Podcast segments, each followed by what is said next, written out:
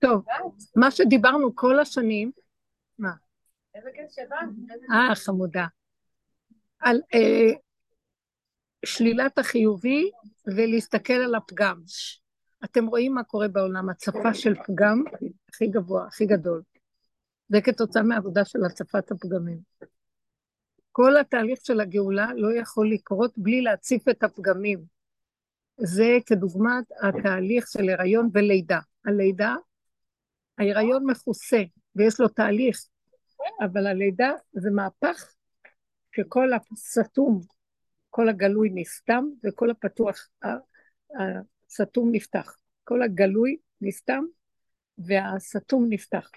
כל השלילה צפה, הביוב עולה. זה מה שאנחנו רואים, ראינו. אפשר להגדיר שהחמאס וכל המציאות הזאת היא בעצם ההגדרה הכי, ההגדרה הכי חזקה של השלילה. איך היא צפה? פשוט התרחקת מזה, היא אומרת. אוקיי. כן, כן, המיקרופון עם הכבל מחובר, היא שואלת? לא, היא אמרה שלא צריך. מתוך הטלפון? לא, מיקרופון בכבל לא, אני חושבת שעושה את זה. למה היא צריכה את הכבל? היא אומרת שזה כנראה לא מספיק אה, חזק. זה לא עוזר כל כך, אני לא הנה, בוא ננסה.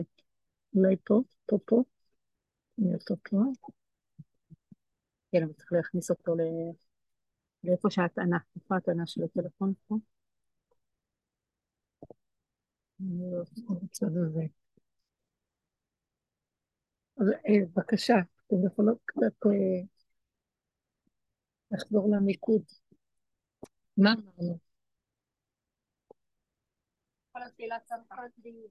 איך? איך?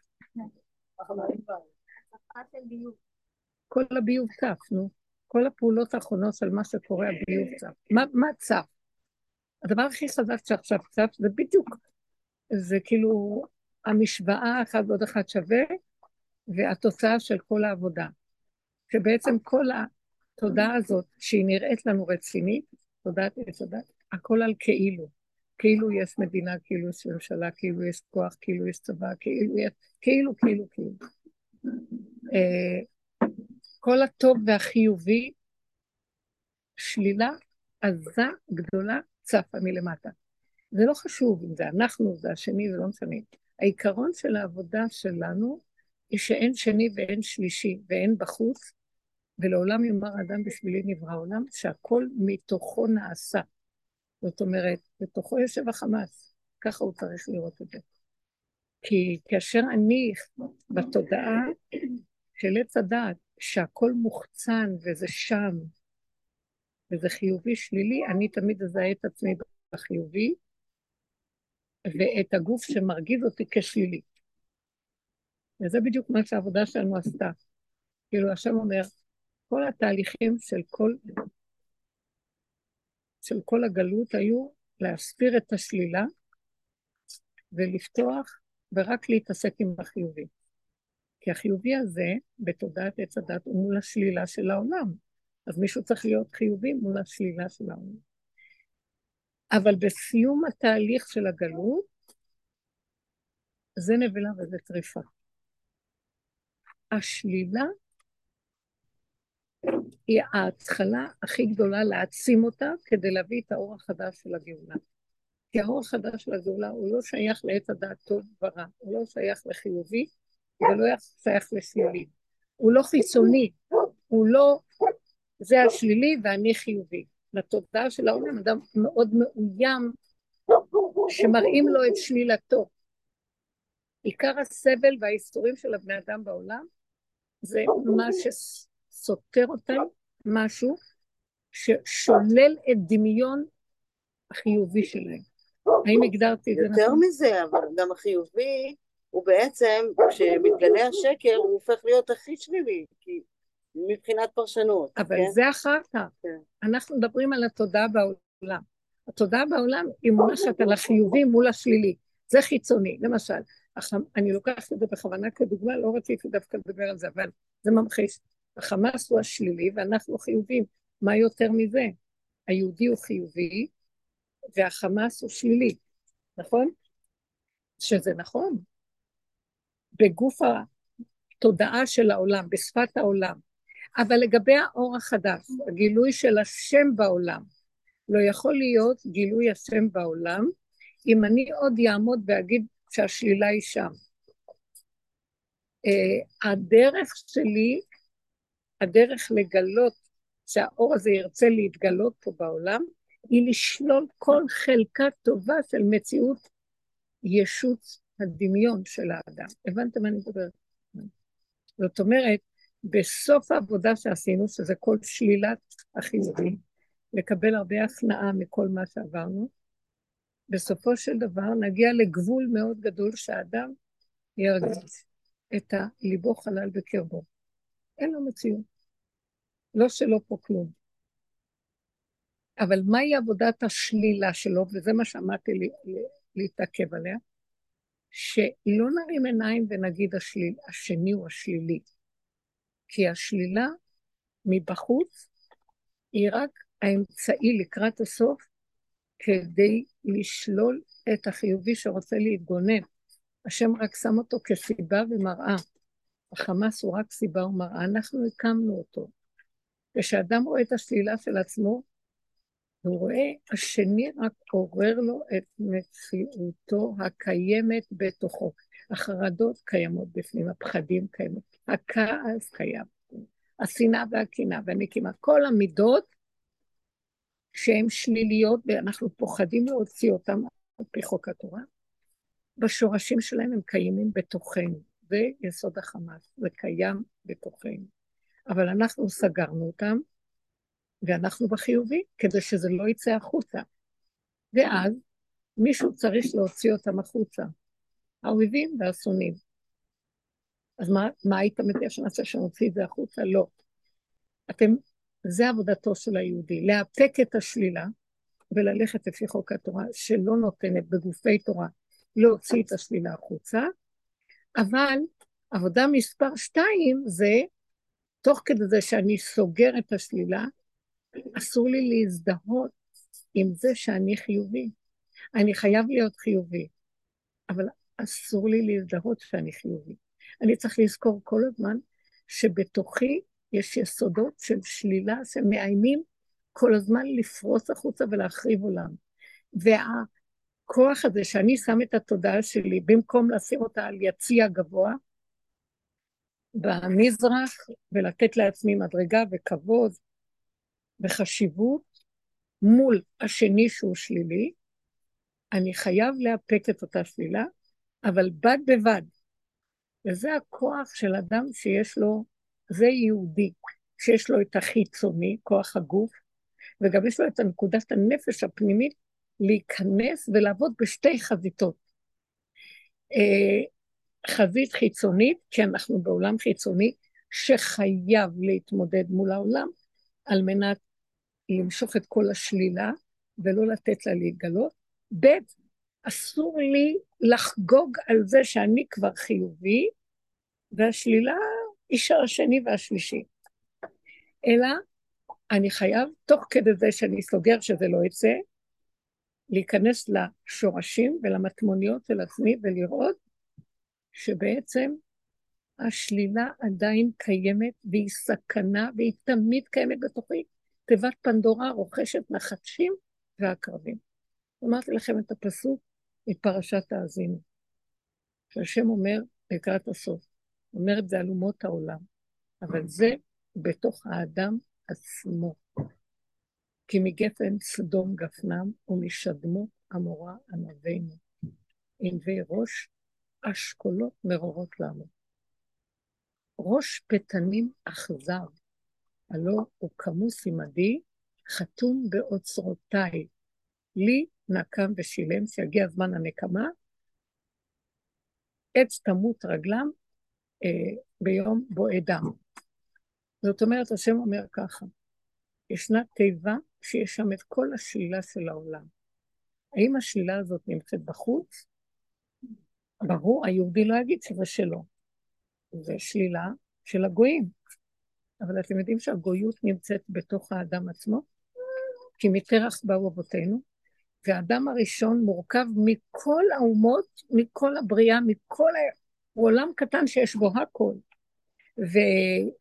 ואדם הראשון, עם ישראל, נקרא, אתם קרואים אדם, מאחר ואדם הראשון חטא ולא תיקן בצורה נכונה את מה שיש, מה שהיה צריך בתוכו לתקן, אז יבוא עם ישראל ויקרא, אתם קרואים אדם, אתם תעשו את העבודה מה שאדם הראשון לא עשה. מה אדם הראשון לא עשה? כמו שראינו בפרשה, הוא מכסה את מערומיו אחרי שהוא אכל מעץ הדת, מצדיק את עצמו ומאשים את אשתו. הנה הפסיכולוגיה של העולם.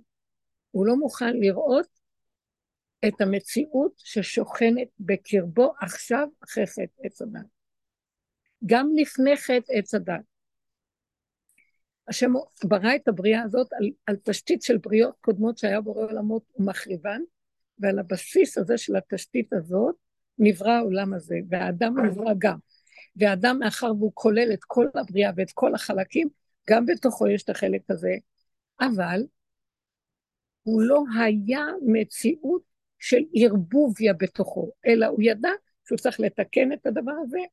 זאת אומרת, כמו שהגדרנו את זה, יש שלילה בתוכי, היא לא שלי, וכל העבודה שלי, תוך כדי זה שאני חי במציאות הגן, גן עדן, לפני חטא אדם הראשון, כל העיקר שלי זה לתקן את אותו קטע. מה זה לתקן? הוא לא היה צריך לעבוד כלום. עצם זה שהוא ראה את השלילה, הוא החזיר אותה לשורשה, ובזה היא תקנה, על ידי הכרה והדיבור שלו. הכרה והדיבור. אבל אחרי חטא צדת, השלילה התערבבה בתוכו, הטוב והרע, ונשאב בתוך בשרו. וכל עיקר התיקון שצריך לעשות הוא, שם אומר ככה, אתה כל כך מעורבב בפנים בהכל, אה, שזה הדורות הראשונים, שהם לא ראו את השלילה של עצמם והם הרסו והחריבו עולם. דור המבול, דור, בוא נגיד דור אנוש, דור המבול, דור הפלגס, שהעולם היה הולך ומתמוטט עד שבא אברהם אבינו ועד שבאה התורה ואיזנה את העולם, כי קיבלנו על עצמנו עבודה. מה עבודה? לעולם יאמר אדם בשבילי נברא עולם, והיהודי יהודי אחד הוא כנגד כל העולם, יש יהודי אחד שמתקן כראוי, אחד כזה כל העולם שווה לו, וזה בחינת משיח, מה שדיברנו. מה הוא צריך לתקן? הוא צריך להודות בהכל שהכל זה הוא, שאין שני בכלל. אז מה הוא צריך את כל האנשים מסביב? כי הם יהיו רק התשקיף והמראה והמקל להראות לו את עצמו. וכשאנחנו בתודעת עץ הדת, בחלק הראשון של התיקון שלה, אנחנו מאוד נבהלים מהשלילה, ומכריזים שזה שייך לשני, ואני מגדיר את עצמי כחיובי ובורח מהשלילה. וזה רק חלק אחד של העבודה, לא להוציא לפועל את השלילה, אבל החלק השני, להכיר שהיא קיימת בתוכי. ואם אני לא מכיר את זה ולא חי את סכנתי, ולא עובד על הצמצום הפנימי, שאני מפחד שזה יצא לי החוצה מצד אחד, מצד שני, אני מעלה את זה לשורשו ומבקש, כמו שאדם ראשון היה צריך לעשות, ומבקש רחמים, שזה שלו ולא שלי, אני לא יכול לתקן. בסוף, אחרי כל עבודות שעם ישראל עשה, כולל הציווי של מחיית עמלק, יהיה שלב שגם את מחיית עמלק לא נוכל לעשות, אחרי שעשינו בכל הדורות, ויישאר קטע שנגיד, המלחמה להשם בעמלק. זה לא מלחמה של האדם. אבל האדם הזה שיגיד מלחמה להשם בעמלק, שהוא לא יחשוב שהוא צריך לעשות את המלחמה בעמלק, כי הוא כבר עשה מלחמות והוא רק איזה חוזר וזה לא נגמר. זה אדם שקיבל אחריות והוא לא מאשים את השני, הוא רק רואה את עצמו ומקבל אחריות. ואחרי שהוא רואה כמה גלגלים וכמה עיגולים ועדיין השלילה בקרבו, אני לא מדברת על כאלה שמוצאים, זה כבר לא עבודה חיצונית של השני שלילי ואני חיובי. הוא מקבל אחריות שלמה להכיר, עם כל זה אחרי ככלות הכל, יהיה איזה שלב שהוא יצטרך להגיד, זה, זה לא שלי, זה שלך, זה הטבע, שהיא באמת השורש של כל, השורש פורי ראש ולענה של כל הבריאות הקודמות שקיימות בבריאה הזאת, ורק השם יכול לתקן אותה. זה השורש של אומות העולם, שאנחנו לא נוכל לתקן אותה. אבל עד שלא נביא אותה להשם בווידוי דברים, כמו ביום הכיפורים, שאנחנו מתוודים על הרבה דברים שהם לא עשינו ולא נראה בכלל, איך יכול להיות? שיהודי יעשה כזה דבר, ככלות הכל, התכלית של כל ההכרה הזאת זה שהשם רוצה שנגיד לו ונעביר אליו על מנת להזמין אותו לבוא להילחם בעמלק סופי. את העבודה הסופית הזו, שלא אנחנו, לא השני הוא הרע, ואני ואני ואני מודה באחריות, אבל אשמים אנחנו, ולא אני יכול לעשות גם את התיקון בסופו של דבר של כל הדבר הזה, כי זה בלתי אפשרי, בגלל שזה גלגל שחוזר, זה תוכנה שאי אפשר לתקן אותה, מעוות לא יוכל לתקון, כמו שאמר קהלת, אז הסוף של זה יהיה, אנחנו עומדים מנגד או כנגד, ואין הזדהות רגשית, אין לנו שום שייכות לדבר הזה, ואנחנו אומרים, זה שלך, לא שלי. הנה הידיים והרגליים, אתה יכול להשתמש בידיים והרגליים, אני כלי ריק גבולי, שגם התהליך הסופי של מחיית השלילה הוא שלך. כי אתה אומר, הלו, כמוס עמדי חתום באוצרותיי, לי נקם ושילם לעת תמות רגליו. אני זה שיעשה את הנקמה הסופית בגויים, במציאות הגויים. אבל אנחנו צריכים לתת לו את ההכרה הזאת. וכשאנחנו נותנים לו את ההכרה הזאת, נגמרת המלחמה שלנו. אנחנו לא יכולים להילחם. לא שייך לנו פה כלום. אין לנו מציאות עצמית. נגמר כל העבודה שעשינו לפרק את התודעה החיובית ואת העצמיות שמזדהה עם החיובי ולא השלילי, השלילי בחוץ, כמו שאמר אדם הראשון, האישה אשר נתת עמדי, היא נתנה לי ואוכל, כל זה יתמוטט וילך. גם האדם שיגיד, טוב, אבל אני אשם, גם עבודת יום הכיפורים תיגמר. יגיע שלב של מצב של נעילה, גם זה לא אני. זה שורשים כל כך עמוקים, שאני לא יכול לתקן אותם. וכל הסיפור של יונה, שהשם שולח אותו, אומרים את זה ביום הכיפורים, למין ולהגיד להם תחזרו בתשובה. הוא שולח יהודי קדוש, נביא בישראל, בירושלים, ואומר לו, לך תגיד נבואה לאומות העולם, שהם מתנהגים ברוע נוראי. אז הוא אומר, אבל אני צדיק, למה שאני, יהודי, אלך להגיד להם, תמצא להם איזה בילום אחד, שילך ויגיד להם, למה אני צריך ללכת? והשם דווקא אומר, אתה חושב שאני שולח אותך לגויים? הוא שלח אותו בעצם למטמוניות של עצמו להכיר עם כל היהדות וכל התפארת שיש לך ברמה הגבוהה שלך, בתוכך רוכשת תיבת נחשים ועקרבים, שזה אני ושלך. הוא לא רצה לרדת. מי פתי אסור הנה? מי רוצה לרדת להסתכל בשלילה ובפגם? מי רוצה את זה? אבל תדעו לכם, הסוד של כל הדבר הזה, כמה אנחנו עדיין רחוקים ביהדות מהסוד האחרון של גילוי מלכות השם בעולם. לא יכולה להיות גילוי מלכות השם בעולם על ידי הרובד המתוקן של העולם החיובי בעולם התורה והיהדות, שזה השיא של העולם. שיא העולם בתיקון שלו זה היהדות החרדית. היהדות של תורה ומצוות, לא אומרת חרדית, יהדות של תורה שיש לה הכנעה לתורה, לתורת משה, מה שאנחנו מצווים לעשות. אבל אין הכרה של השלילה. מי יבוא ויכיר את השלילה? מעטים האנשים בתוך היסוד הזה שמוכנים לבוא ולהכיר עם כל הקיום, כל מה שהם במדרגותיהם, ויכירו ויגידו, אבל אשמים אנחנו, עם כל המדרגות. לא שבאמת אשמים כלפי חוץ, אבל יכירו שאנחנו יושבים על איזה ענן דמיוני של חיוביות, ולא מכירים את השורש הטמון בתוכנו. ובשביל מה אני צריך להכיר את זה? באמת נכון שהיהדות סגרה את זה בכל הדורות, בגלל שאם הייתי בגלות מסתכל, הייתי מאבדת את נצחי ואת תקוותי לחיים בתוך אומות העולם, בכל הגלויות ובכל הסערה של אה, כל מה שהיה לנו בתוך האומות העולם, כל התלאות של הגלות, לא היינו מחזיקים מעמד. אבל לקראת הסוף העבודה הזאת כן צריכה להיעשות. למה? כי זה מה שהשם צריך כדי להתגלות. בואו נעביר את זה לשפה פשוטה. כל החמאס שיצא עכשיו זה השלילה שלנו אנחנו יצרנו את החמאס. גם דרך אגב, בפועל, אנחנו חימשנו אותם, אנחנו בנינו את הארגון הזה, כמו שבזמנו בנינו את ארגון אל-פתח, וכל הארגונים האלה של ערפאת, לא יודע. ואנחנו, כי הייתה מחשבה שהם בעצם יכולים לשמש אותנו, הם ישמרו על הערבים, ואז הם לא יקומו עלינו, כי הם יקבלו את הכוח מול עצמם והם ינהיגו אותם, ואנחנו נוכל, אבל אנחנו חימשנו את הכוח הזה, כי לא ראינו שאנחנו בעצם קוראים את הבור של עצמנו, לא הסכמנו לרדת לשורשים האפלים של מציאותנו ולעבוד בדרגה פנימית. תקשיבו, זה לא האשמה, אנחנו בתרדמת. ואלה שהסכימו לקבל על עצמם את הדרך ולעבוד ולהסתכל, ולמה, איזה פפי אסור הנה לבוא לראות, כל הזמן לחפש את הסביבה של עצמו. השני מרגיז אותו, ומתנהג לא הגון ולא ראוי ולא צודק, ואז זה שמקבל, עובד בדרך, מסתכל, אומר, אל תחפש להיות צודק, אומר לעצמו, אל תחפש. להיות נכון, תחפש למה, מי זה הביא לך את כל הסיפור הזה, מה הוא רוצה ממך? זה השם אמר לו, כלל, מה הוא רצה ממך?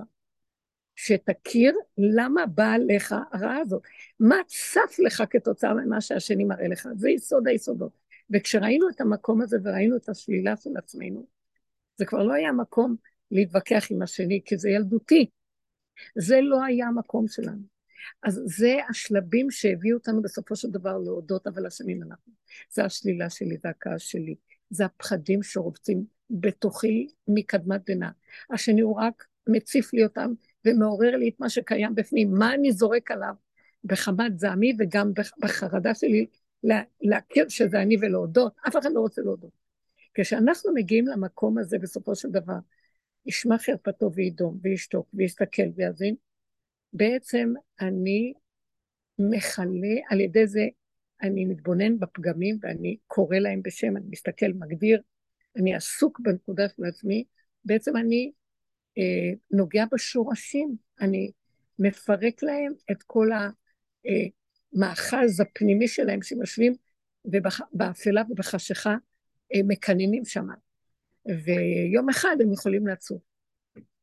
אז אני לא נותן להם לצוף, כי אני רואה שזה אני, זה מתיש, זה לא נעים, יש רגעים קשים מאוד, אבל שמתם לב שמלווה אותנו שכינה בתוך התהליך הזה, והיא שמחה כי על ידי זה שאנחנו מחפשים בשורשים שם, אנחנו מתחילים להגבין שיש שם חיות אלוקית פנימית למטה בתחתיות שלנו, שזה הדרך היחידה לגאול ולהוציא אותה מכל מה שרוכש שם. ואם לא נעשה את זה, אז בעצם מה שאנחנו מכסים, זה איפה שהחמאס מקבל כוח לקום. איפה שהשלילה בעצם מתגשם, אנחנו מגשימים אותה בחוץ על ידי זה שאנחנו מכסים וחושבים ששם זה השלילה. ויום אחד היא תפרוץ על כולנו והביוב יצא ויכסה את, את כל הארץ, יכסה את הארץ. כי הנה החושך יכסה ארץ וערפל לאומים. אז מה? אלה שיורדים לשורשים בעצם מזמינים לקראת הסוף ואומרים, ריבונו שלם, עודנו, אמרנו, ראינו, בשורשי שורשים, יש שם יסודות שזה רק שלך ולא שלנו, כי אנחנו לא יכולים כלום. זו עבודה הדקה הזאת. אדם שמגיע למקום הזה הוא אדם שהוא הגיע לגבול הכי גדול שיכול להיות, ואחד הדברים שרואים עליו זה שלא, ליבו חלל בקרבו, לא שלא פה כלום. התגובות שלו לא כמו תגובות של אדם רגיל. כן, יכול להיות שיצא לו פה ושם איזה אה, רגש או הנהגה של אה, יצריות, או... אבל בשנייה הוא חוזר, כי הגבול שלו קצר, וכבר שום דבר לשום. אדם כזה, בזכות שיש אנשים כאלה, הם מאפשרים לאור החדש לרדת בכלי כזה, והאור החדש עושה עכשיו את העבודה, והוא מכסח ומסדר את הכל, ולא קשור אלינו פה כלום. עכשיו רק אני רוצה, עשיתי חזרה כללית על כל העבודה שעשינו. שכל עיקרה היא להפסיק לחיות באשליות ודמיונות של ישות וכוח, כי אנחנו רואים ברגע אחד איך כל תודעת עץ הדת הזאת שהיא דמיונית, דמיון אחד גדול. אין כוח לאף אחד, זה רק דמיון שיש מציאות שקיימת פה. זאת אומרת, מה שכן קיים זה היסודות של הבריאה. הבריאה, העצים, הציפורים, הצמחים, חומרי הגלם, היסודות, אבל פסיכולוגיית האדם לא קיימת. גם האדם קיים, הוא קיים גוף, גוף. וגם הרגשות, הרגשות הם באים יותר מזוקקים, אני מרגישה, הרגשות הם באים יותר מתומצתים, יותר אה, עדינים. נגיד אז... רגש של כאב, רגש של שמחה פתאום, רגש של... לא יודעת. לא. השם ברא בבריאה, בבריאתו של האדם הראשון שהיא בריאה שלמה, הוא ברא מרכז של חשיבה. הוא ברא מרכז שנקרא לב, הוא ברא מרכז של עשייה.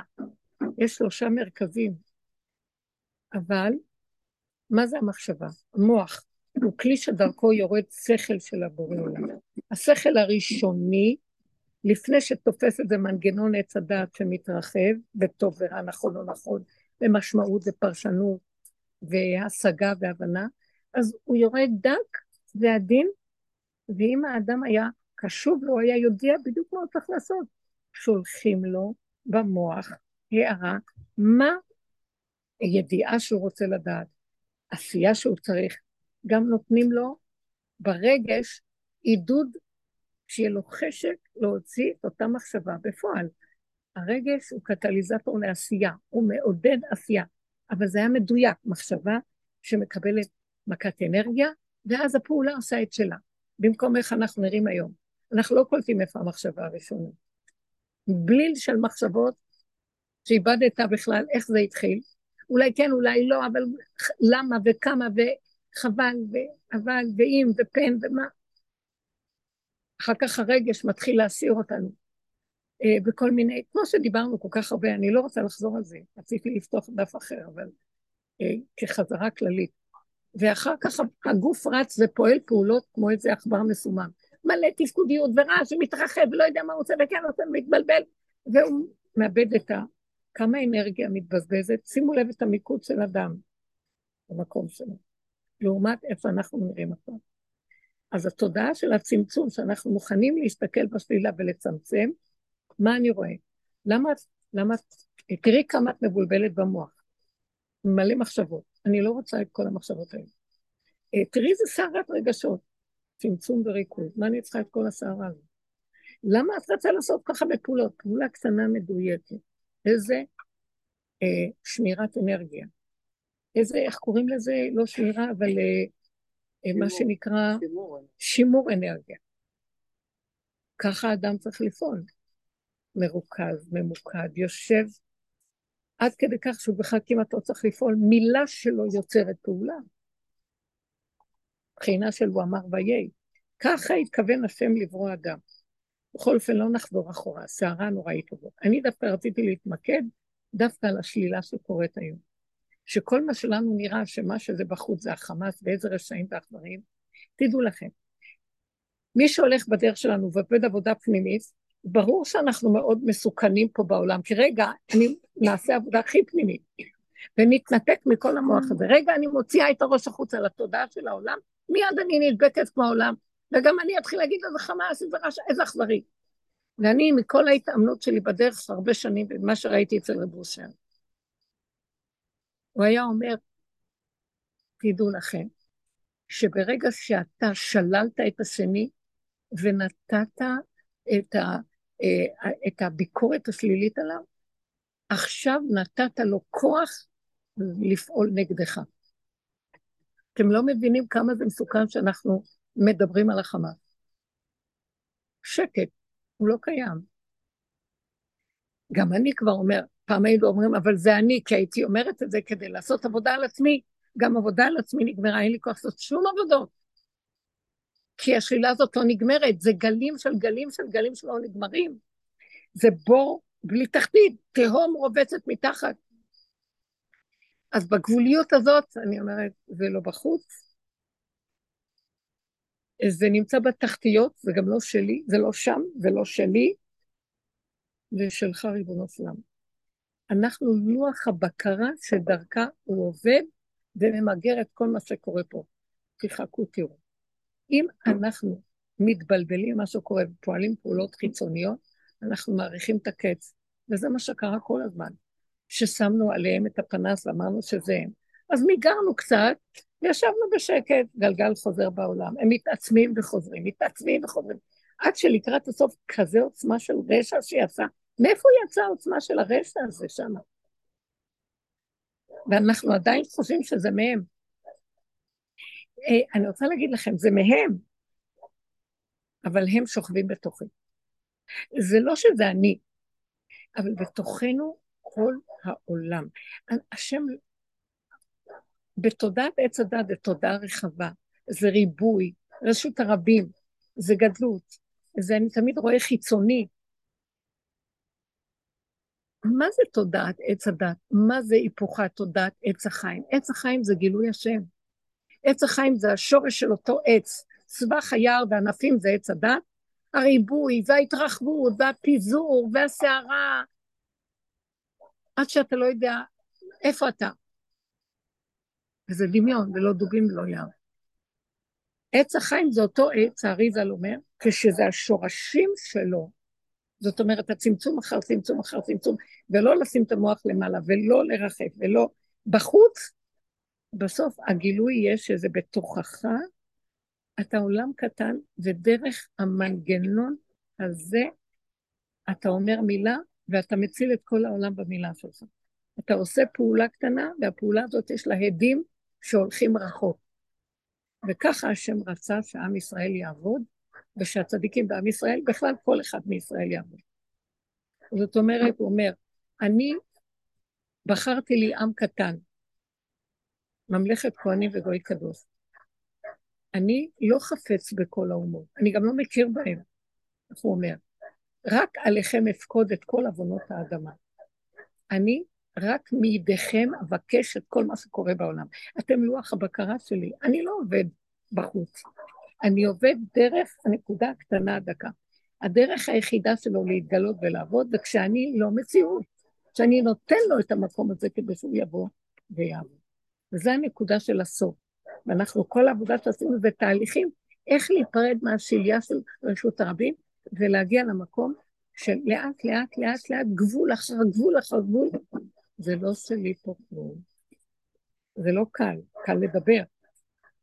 זה המקום שהוא יכול להתגלות ונעשים ישועות בצורה שקטה, וזה יסודו של דוד המלך.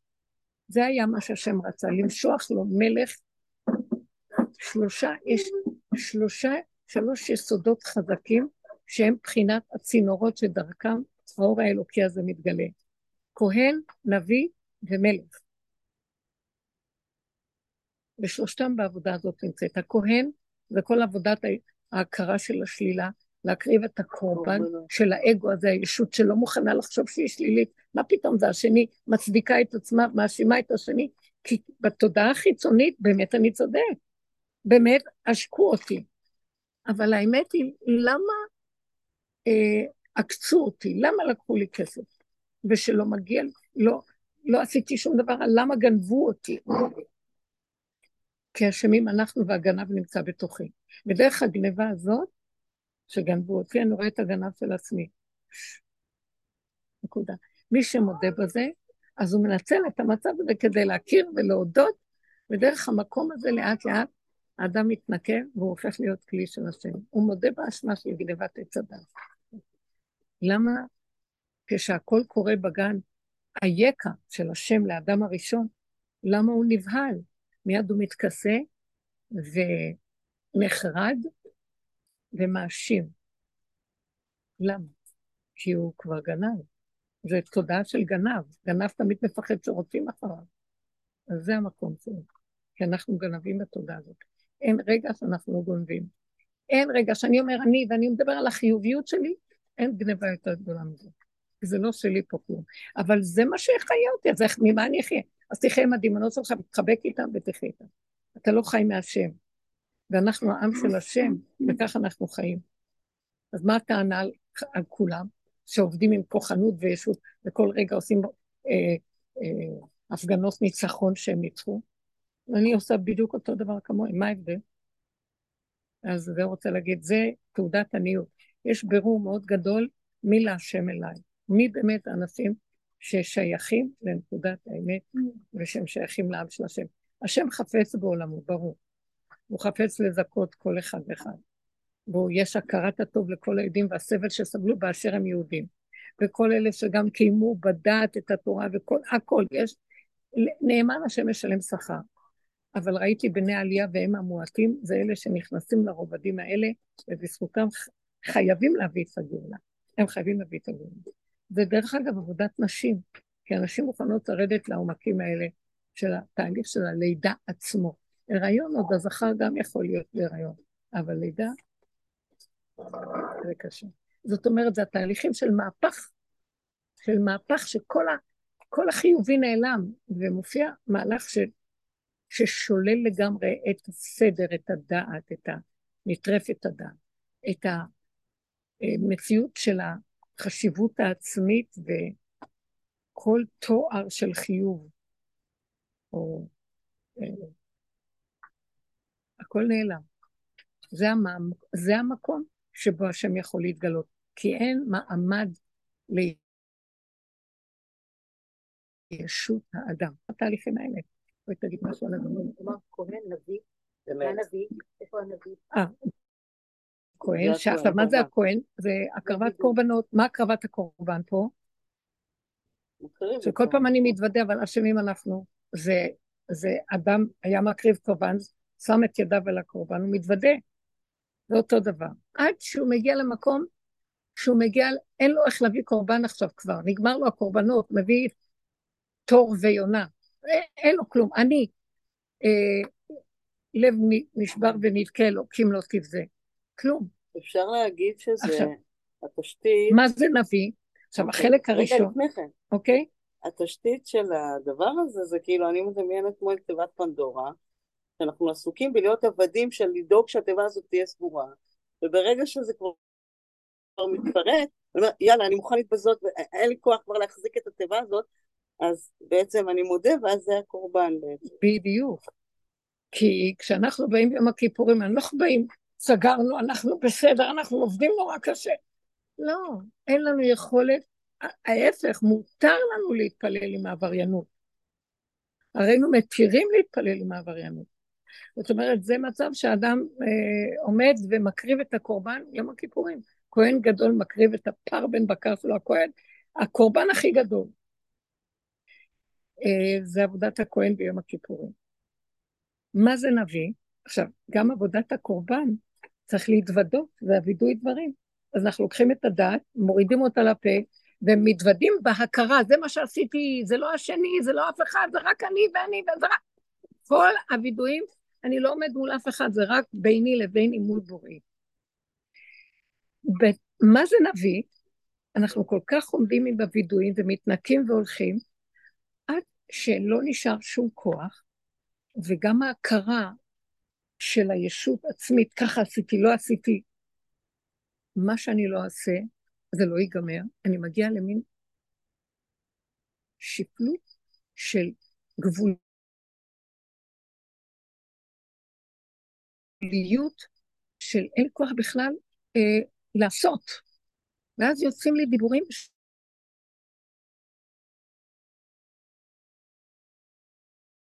הנביא ונביא לבב חוכמה, כמו שכתוב בפרק צדיק בתהילים שמשה רבנו אומר.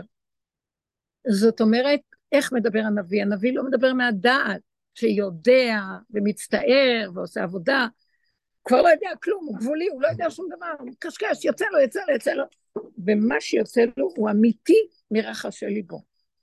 זה השלב השני שאנחנו מגיעים, דיבור הזה שיוצא לנו, ריבונו שלם, אין לי שום כוח, אין לי כלום. הנני עליך, איך רש"י אומר? אה, רש"י אומר, כגמול עלי מו, כגמול עלי נפשי. הנני, רש"י אומר, הנני עליך, הוא מפרש את הפסוק, בלי ידיים ורגליים. עשה איתי מה שאתה רוצה, כגמול עלי מו, כגמול עלי נפשי. ככה יוצא הדיבור. מה זה מלך? מלך זה התכלית המושלמת. מלך, זה באמת, ה... הייתי אומרת שהחלק השני זה המלך. אולי הייתי אומרת שהנביא, הדיבור שלו יוצא במקום של אה, דיבור שהוא אין לו דעת. איפה מצב? שרת. איך? כלי שרת של הבורא, הדיבור הוא... אני לא יודעת אם הוא כלי שרת של הבורא בינתיים. הבורא? דרכו יכול להוציא דיבור, זה נביא. אבל אני כן. מדברת על עצמנו בתהליכים שלנו, אוקיי. שאני מדבר, ואני יכולה לדבר מה שאני לא דן את עצמי, לא שופט, לא מבקר, לא מגדיר, לא כלום, מדבר. תפילות שהן לא מהסידור, הן לא תפילות, הן תפילות שיוצאות, בגלל שמה שיוצא יוצא. ובלי שום טיפה של דעת וביקורת. יש כאלה מצבים. התפילה, החלק האחרון של מלך הוא חלק של כלי לגמרי, מלך מלשון כלום, כלם, גלם, אין לו כלום. ריק ואין לו כוח. גבולי, המלך הוא גבולי. המלך לא יכול לעשות כלום. למה הוא צריך כל כך הרבה עבדים סביבו, ורקחים ועופות וטבחים, ומי. גם יועצים הוא צריך, וגם חכמים יושבים לידו. אז מה אני צריך אותו? כי הוא מוריד את האור האלוקי בגלל הכלום שלו. הוא יכול להיות חכם, והוא יכול להיות נבון לידו, וזה יכול להיות בעל תפקיד כזה או אחר, וזה יועץ. ויש כל מיני שעושים פעולות, אבל אלוקות, רק המלך יכול להוריד. זאת אומרת, הכהן עוד עושה הרבה עבודה כדי להוריד, להעלות את כל הפגמים והשלילה, כדי להתחיל להכין את הכלי. הנביא מוסר את כל הדיבורים של השכל עד שלא נשאר לו שום שכל, והדיבור שלו יוצא לו מעצמות ולא יודע מה אומר. לא יודע מה אומר. והמלך, טמבל. המלך הוא פטי, פטי מאמין לכל דבר. מדרגת הפטי, כתוב על שלמה המלך, שהיה חכם מכל אדם, אבל למדרגת הפטי הוא עוד לא הגיע. כי הוא היה עוד חכם שרצה לדעת, ולחקור ולהבין. ואילו הפטי הוא כמו הג'וקר בקלפים. הוא לא יודע כלום ויכול כל תפקיד לשחק. הוא לא מעצמו שום ציור. יורד עליו האפשרות של האור הכללי של השם, ומשתמשת בו לכל התפקידים שצריך. מלך מלשון כלל, כלל העם, ליבו של העם, העיקר של הכול. זה המקום של המלך.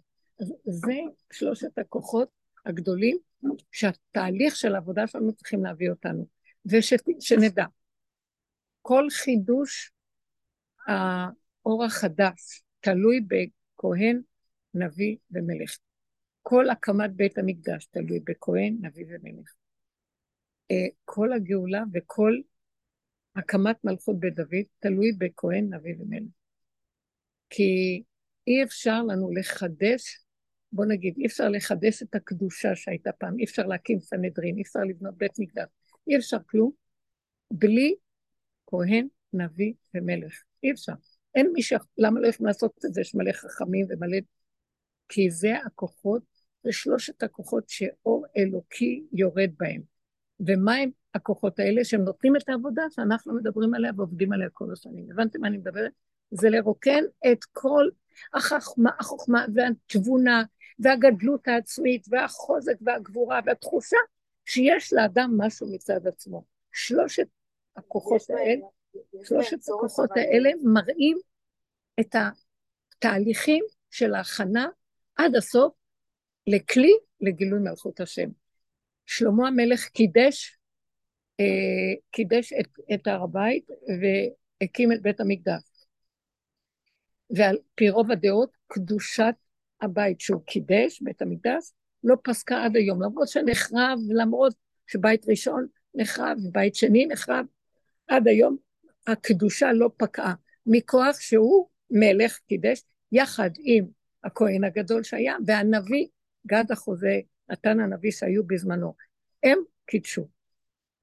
עכשיו, קדושת בית שני לא הייתה, אה, הוא קידש אותה, אבל כדי בעלמא לחדש אותה, לא היה מלך, אז אה, נחמיה, אה, אה, אה, עזרא ונחמיה, עזרא היה נחשב לנביא. והם אה, בלי, ועם הכהן שהיה יחד איתם, הם הקימו מחדש את הבית השני, אבל כבר אחרי שלמעשה הקדושה הראשונה הייתה קיימת, כי קדושתו של שלמה המלך עד היום לא פקעה. תראו את הכוח האלוקי ששורה, ששורד במשולש הנקודה הזאת של הכוח הזה שיש בעבודה המשולש הזאת, שזה עבודת הכהן, עבודת אה, התשובה, הכרת הפגמים וההודאה בהם עד הסוף, כוח הנבואי שכשאדם מכיר את חסרונו ואת האין אונים שלו, אז הוא לא מציאות עצמית, מה שיוצא ממנו אין לו שום ביקורת על עצמו, אין לו שיפוטיות, אין לו כלום, זה מה שהוא. והמלך זה המדרגה האחרונה של אה, נתינת כל הכוח למלכו של עולם, בלי שום מציאות עצמית של עצמו לגמרי. יסוד העין, מה שנקרא, אין. עכשיו, רק אדם גבולי עובר את שלושת הכוחות האלה, עד שמגיע לגבול האחרון של המלך. נדבר על הגבוליות. הגבול הזה, ככה רק תהיה גאולה. לא יכולה להיות גאולה עם מה שקורה פה, אתם מבינים מה אני מדברת? ועוד אנחנו חושבים ש... מה? שמה אנחנו חושבים? שעכשיו הצבא והיא מגרת החמאס, תעזבו שטויות. זה כל התפאורה הזאת, זה בורא עולם מסדר אותה.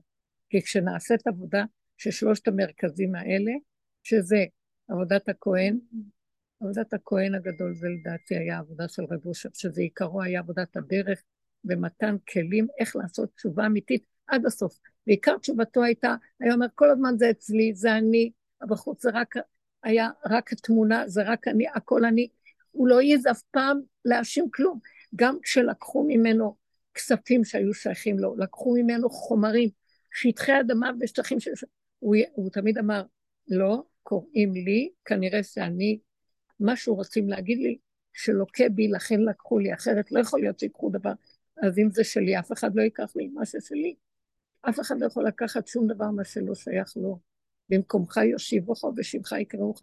מגיע לי וזהו, אין מלכות נוגעת בחברתה. אז מה העבודה של הכהן בסוף התודעה? העבודה של הכהן בסוף התודעה היא, היא, זו שאלה מאוד טובה, היא, אנחנו גם מגיעים אליה, מה? אין לי כוח לעשות שום תשובה.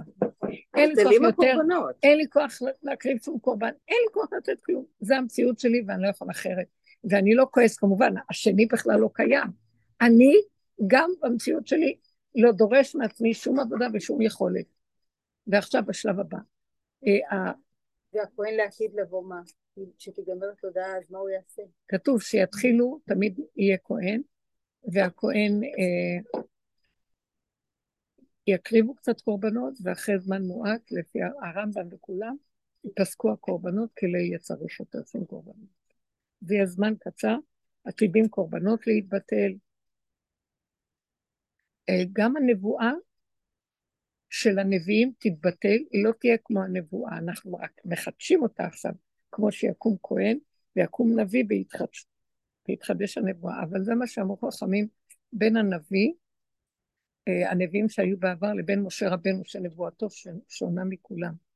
שכל החכמים מתנבאים באספקלריה שאינה מהירה. ומשה רבנו מתנבא באספקלריה המהירה. אני רוצה שתבינו מה זה אספקלריה המהירה. אספקלריה המהירה, בוא נגיד, אומר רש"י על זה, אספקלריה שכל הנביאים מתנבאים באספקלריה שאינה מהירה. זאת אומרת, הם סוברים שהם יודעים מה הם רואים. שמעתם? הם רואים תמונות וסמלים, כמו שאומר לירמיהו, מה אתה רואה? מקל שקד אני רואה. אה, אז שוקד אני על דברי לעשותו. זאת אומרת, יש כאן איזה שיח ביניהם, כשהוא נותן לו סימנים, ואז הוא מפרש לו את הסימנים. זה נקרא אספקלריה שאינה מאירה. למה? כי היא עוברת דרך המוח. אני מפרש, אני מסביר. יש לי עוד איזה גירוי מהמוח שמזכיר לי מה זה וזה שווה לזה. אז הם רואים כסוברים שהם רואים. למה? כי אני עדיין משתמש בעץ הדת, וייתם כאלוקים. שאני עוד צובר מהמוח של עץ הדת, שיש לזה משמעות, שזה וזה שווה ששוקד אני על דברי לעשותו. אני רואה מקל שקד, אני רואה... מה ההבדל בין זה לבין יוסף, נגיד? תכף אני אסביר, רגע. יוסף הוא, הוא, כלול, הוא כלול במקום שהוא גם כן, כמו הכהן בעבודתו, הוא המשביר המרכזי בארץ מצרים, הוא עדיין עושה תהליך של עבודה, והוא לא, אין, אין בו את הכוח האלוקי, כמו, יש בו, יש בתוכו אלוקות, אבל לא, כי הוא בארץ מצרים ואין לו את הכלי של המלך, הוא שליט ולא מלך. הבנתם את ההבדל? הוא עדיין שליט בארץ מצרים, בתודעת עץ הדת.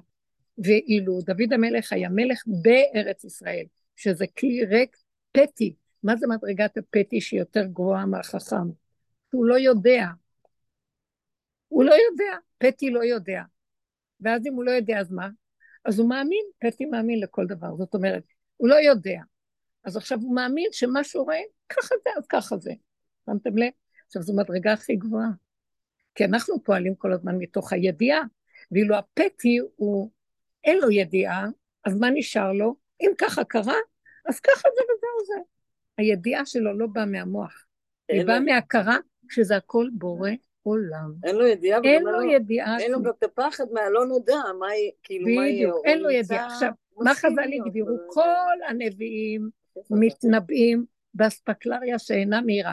כסוברים שרואים. הם עוד משתמשים בכף הדמיון, במציאות הדמיון, שרואה ש, שככה אנחנו חיים.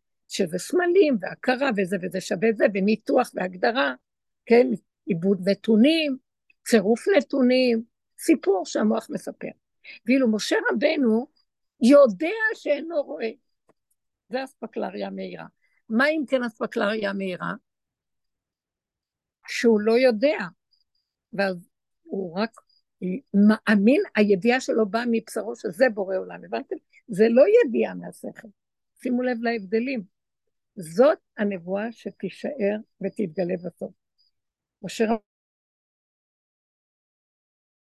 עדיין, כמו שיהיה כהן שיקריב קורבנות, גם יקומו נביאים שעדיין משתמשים בס, בספיחים של תודעת עץ הדת. אבל באמת באמת, לקראת הסוף תהיה נבואה כמו שמשה רבנו, שהיא לא נבואה של דעת, זה יהיה נבואה של אמונה, כוח אמוני מוחלט, שהוא לא בא בכלל מהתודעה של העולם או מהספיחים של התודעה של העולם. זה בא מתודעה של, אה, מגדירים את זה, הראש הלא יודע, רשע דלית ידה. הראש שאינו יודע, והוא הראש, והכל נעשה מהראש הזה, אבל לא מהידיעה שלנו, לא מהידיעה שלנו. זה מה שקרה בעץ הדת, אולי נחזיר את זה, שבעץ הדת, עוד לפני שהאדם הראשון אכל מעץ הדת, הוא השתמש בכוח הזה שעכשיו אנחנו מדברים. שכינה התהלכה איתו בגן, והוא ראה שהכל זה בורא לה, בכלל זה לא עבר דרך המוח שלו, בהבנה, בהשגה, ועיבוד נתונים, ואחד ועוד אחד שווה, ורצף, אלא פום, הוא ראה דבר, הוא ידע.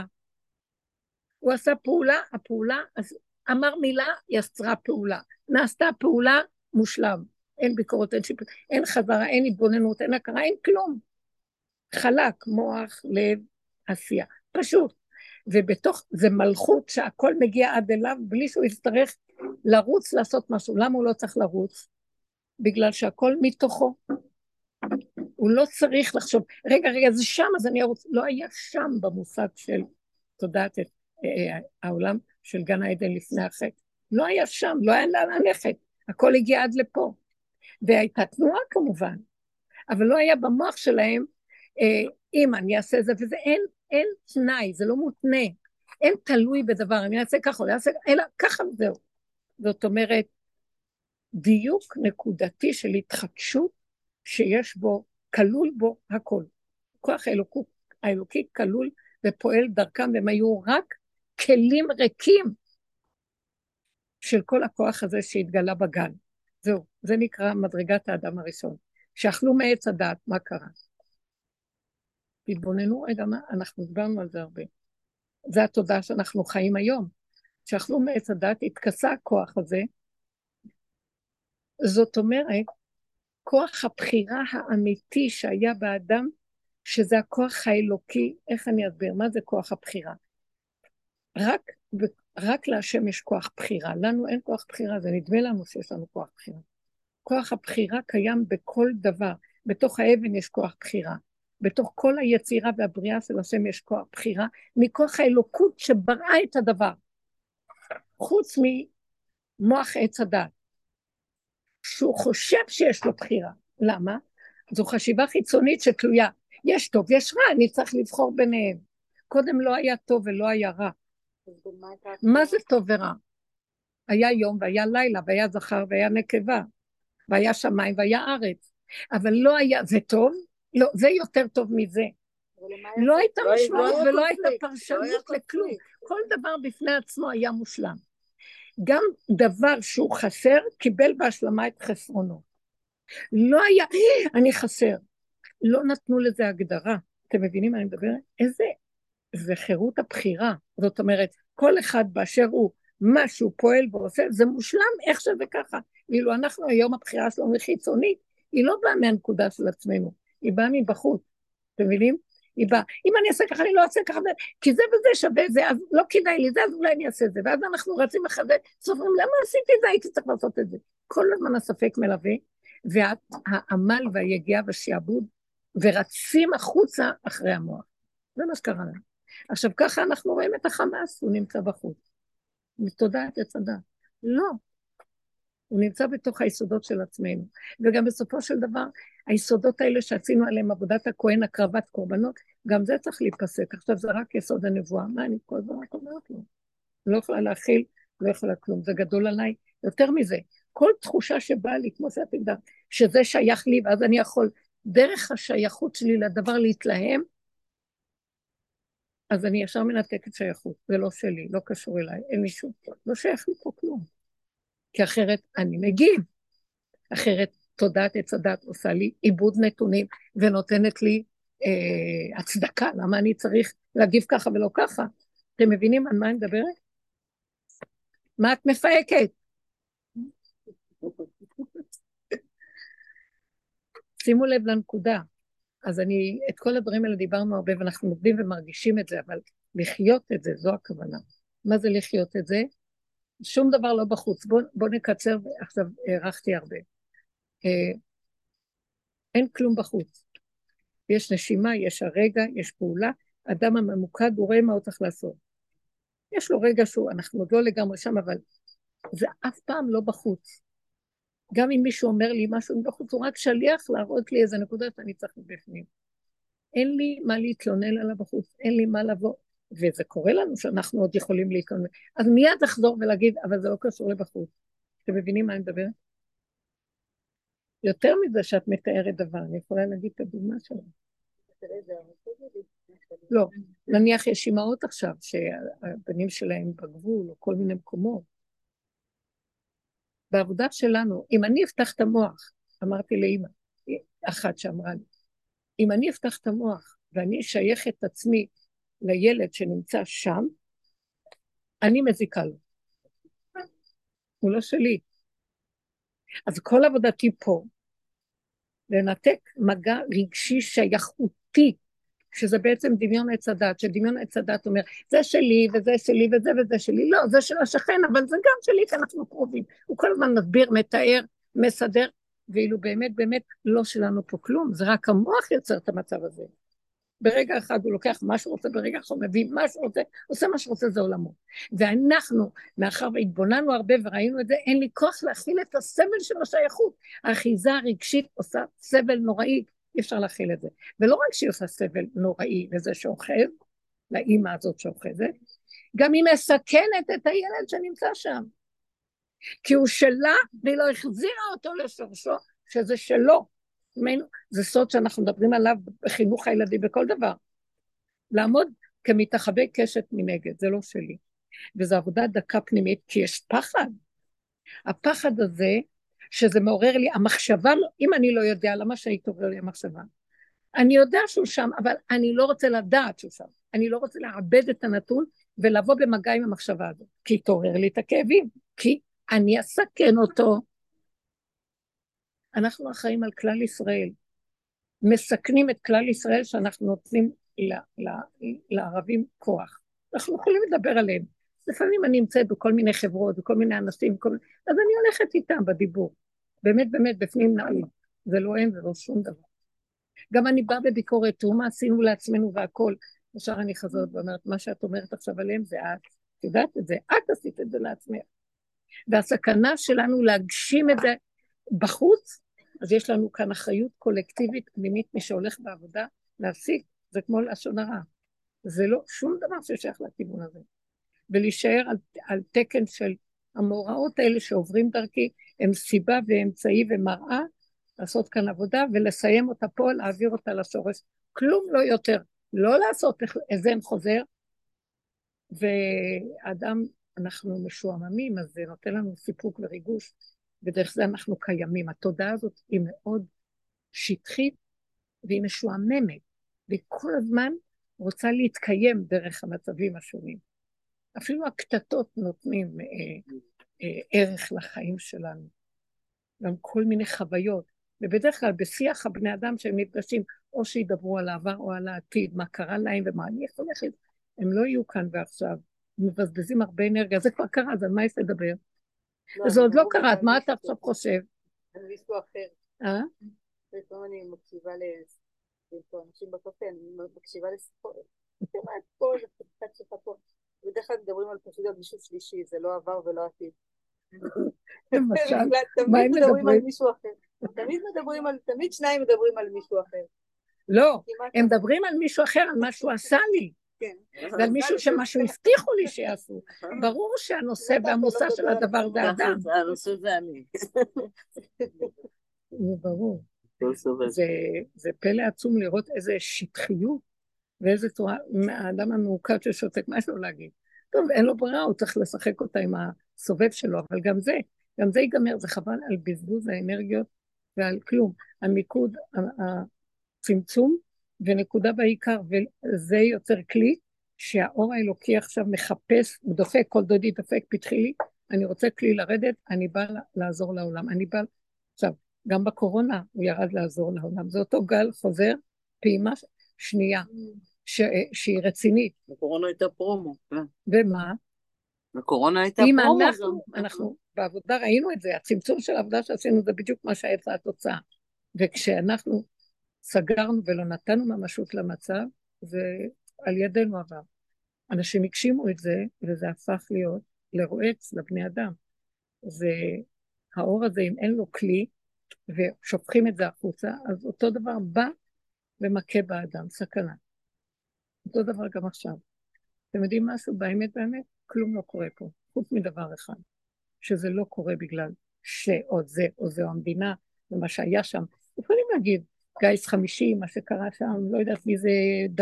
מה- לא יודעת. באמת באמת, זה תוכנית של השם.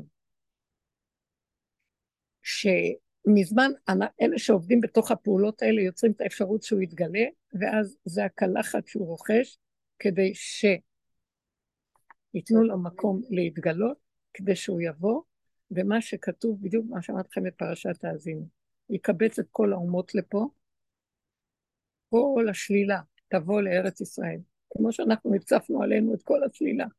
כל השלילה שהצפנו בהכרה וההתבוננות של הצבעים היו בנות בוכות, אומרות לי, מה עשיתי לעצמי? למה הייתי צריכה את כל הסיפור הזה? צף לי דברים שאף פעם לא חשבתי שזה אני, וזה לא גומר, מדבר לדבר, צף עוד דבר, מדבר. בכל אופן, התוכנית צריכה להתנהל כמו שהיא צריכה להתנהל. יש תגובה, היא תוכנית.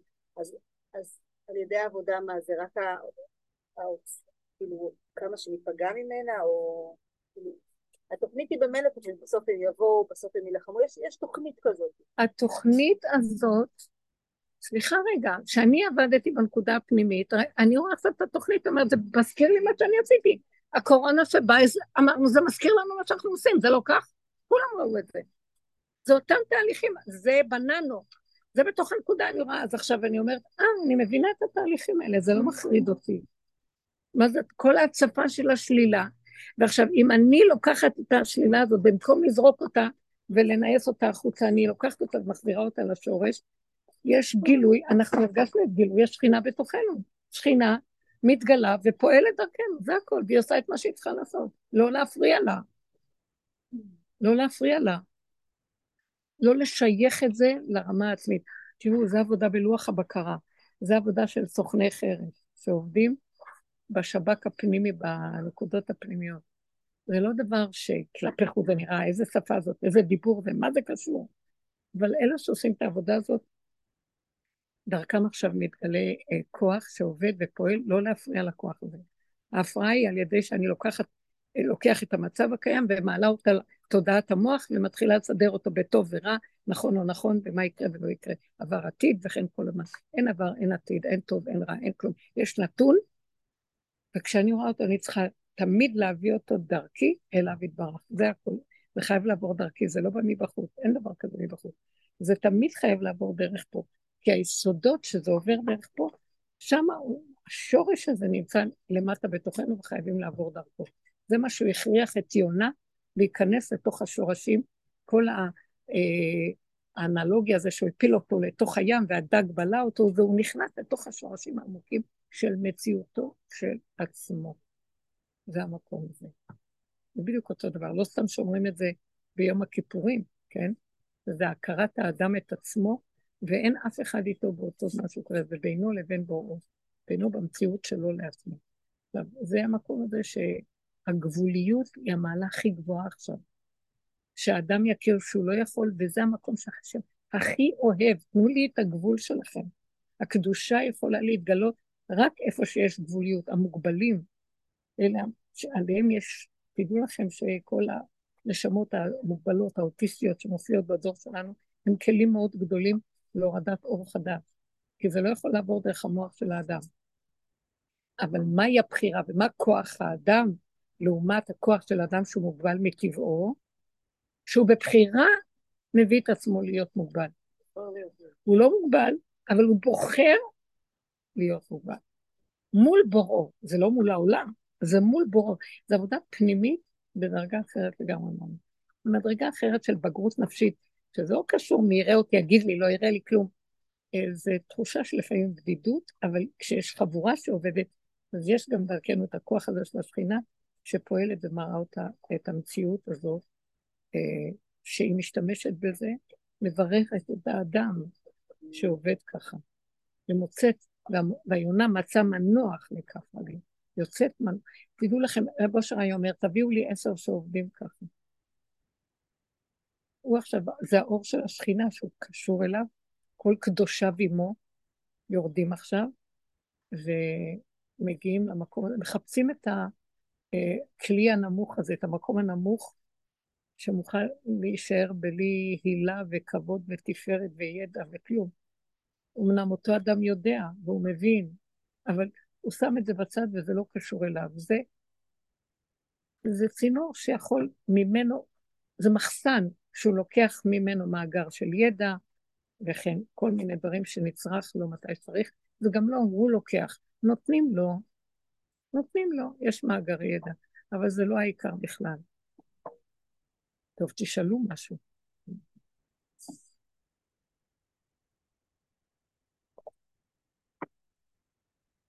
אין מה לפחד גם. כי ברובד של עץ הדת זה פחד נורא. למה? כי אנחנו משייכים לעצמנו את המציאות. המוח נמצא פה, ובחוץ שייך לו. הדמות הזאת, המצב הזה, העולם, יש לו מדינה, יש לו צבא, יש לו זה, או שאין לו מדינה, אבל אז אין לו מדינה, אז הוא מפחד כי אין לו מדינה. על מי הוא יסמוך? אין לו על מי לסמוך, אז הוא בחרדה. איזה עלוב, העם הטיפש הזה, אחרי כל כך הרבה קורבנות כל הדורות, שכשאין לו על מי לסמוך צבא וזה, אז הוא מתרועע. אז, אז למה הוא נקרא עם ישראל? ואיפה השם אלוקיו עמו ותרועת מלך בו? איפה זה? הנה שעת הניסיון. הוא בא להראות לנו, אז, אז איפה הוא השם? אז אם זה עכשיו הזמן שאנחנו צריכים... לא, גם יש כאלה שיכול להיות שיסגרו את המוח שלהם ויתנכרו למצב כדי לא לפתוח אותו. גם זה בריחה. זה להסתכל על המצב ולהגיד אין כלום. זאת הכנה גדולה מאוד. כי זה לא בריחה לכאן או בריחה לכאן. או שאני בורח לחפש על מה להישען ולחפש לי אה, בורות נשברים שלא יכילו המים, או שאני בורח אומר לא אין כלום, אני בעצם עף ואני סוגרת. לא, השם רוצה שנפתח ונסתכל במציאות ונגיד, אבל המלכות, הנה, השם המלוכה הוא מושל ברואים, המלכות שלך ולא של אף אחד. כי זה שבורח הוא גם כן לא ממליך את השם, הוא פשוט בורח כי הוא לא יכול, אז הוא סוגר וטוב לו. זה כמו יונה אבל... שרוצה ללכת לישון. כמו מה? יונה רוצה ללכת לישון. כמו יונה, מאוד יפה. כשהוא הולך לבטן הספינה, אומר, לא רוצה לחשוב, כן. הוא רואה שהספינה סוערת עליו. והם כולם לא יודעים מי ומה ואיך וצועקים, הוא אומר, אני לא מתפלל, לא אומר שום דבר, הולך לפינה שלי, לא שייך לי, לא פותח את המוח. יש כזאת עבודה שלא פותחים את המוח, אבל אנחנו לא מדברים על עבודה כזאת. לא, הוא נכנס לסוג של בונקר נראה לי, לא? הוא נכנס נכון. למקום של ניכור ובריחה. יונה, ראש הבורחים, ככה אמרו חז"ל על יונה. הוא ברח מלפני השם. אה, מה זה הוא ברח מלפני השם? שימו לב לביטוי הזה. חז"ל שואלים, מה זה מלפני השם? אני לא קראתי בינתיים, נתנו פתרונות, אבל אני, השם שם לי מחשבה, באמת. בגלל הדרך. כן. הוא ברח לפני השם, והשם נמצא מאחורה. הוא לא רצה ללכת אחורה. אז הוא ברח מלפניו. מה דעתכם? איך אני? נו, תמחאו כפיים. לא, בפירוש, בגלל עבודת הדרך ראיתי. שהוא אמר, אני הולך לשם, זה כאילו ריחוף, אני הולך לריחוף שלי, הולך לישון, הולך... אבל השם אמר לו, לא, אחורה, לך לנינווה, תלך לאחוריך. זה קשה, כי רק מאחוריך באמת אתה יכול לפגוש אותי. פעם רב לוי, לוי יצחק מברדיצ'ב פגש איזה יהודי, ככה רץ. אז uh, הוא אוהב ישראל גדול. שלום לך רביד, לאן אתה בורח? מה אתה רץ? מה אתה רץ? תגיד לי שלום, בוקר טוב, מה יש? לא, לא, אין לי זמן, אני רץ לעבודת הבוירה, אני לא יכול, אני רץ לבית כנסת, יש לי זה, יש לי זה, ואני רץ לעבודת הבורא. אז הוא אמר לו, מנין לך שהבורא קדימה, אולי הוא מאחוריך. אני עכשיו עצרתי אותך, מי שלח אותי לעצור אותך להגיד, למה אתה רץ? אתה מפספס אותי, אני מאחורה. ותודעת עץ הדעת, והייתם כאלוקים, כל הזמן שואפים, ועוד ועוד ועוד, אף אחד עוד לא הגיע למקום שהוא אומר, תפסתי. עוד מעט, עוד מעט אני אגיע, עוד מעט תהיה לי מדרגה מוסלמת ואני אגיע. אין אדם מת וחצי תאוותו בידו ואין מדרגות ואין כלום. הכל נמצא מאחור, אבל מי רוצה ללכת אחורה? זה מאיים עלינו פחד מוות. כל המציאות של עץ הדת זה, זה דמיון המציאות, דמיון השם גם. רב אושר היה אומר, זה דמיון הוויה. איפה השם? שם, שם, בשמיים. בסדר, בגלות אנחנו כן אומרים, וגם יש עזרה מהשמיים. השם תמיד רחמן לעזור לנו, אבל לקראת הסוף האמת תתגלה. והאמת מארץ תצמח. איפה נמצאת השכינה? באדמה, בתחתיות. תרדו לתחתיות. תודה. תרדו לתחתיות שלכם, למטמוניות, שם אני נמצא. מי רוצה לרדת לשם? זה הלידה, ליד השם. מי רוצה לרדת למקום הזה? איך פוחדים מהרגע של הלידה? אולי אפשר לאחר את הלידה, אולי אפשר לדחות לכמה חודשים. יהיה טוב. זה מאוד לא פשוט.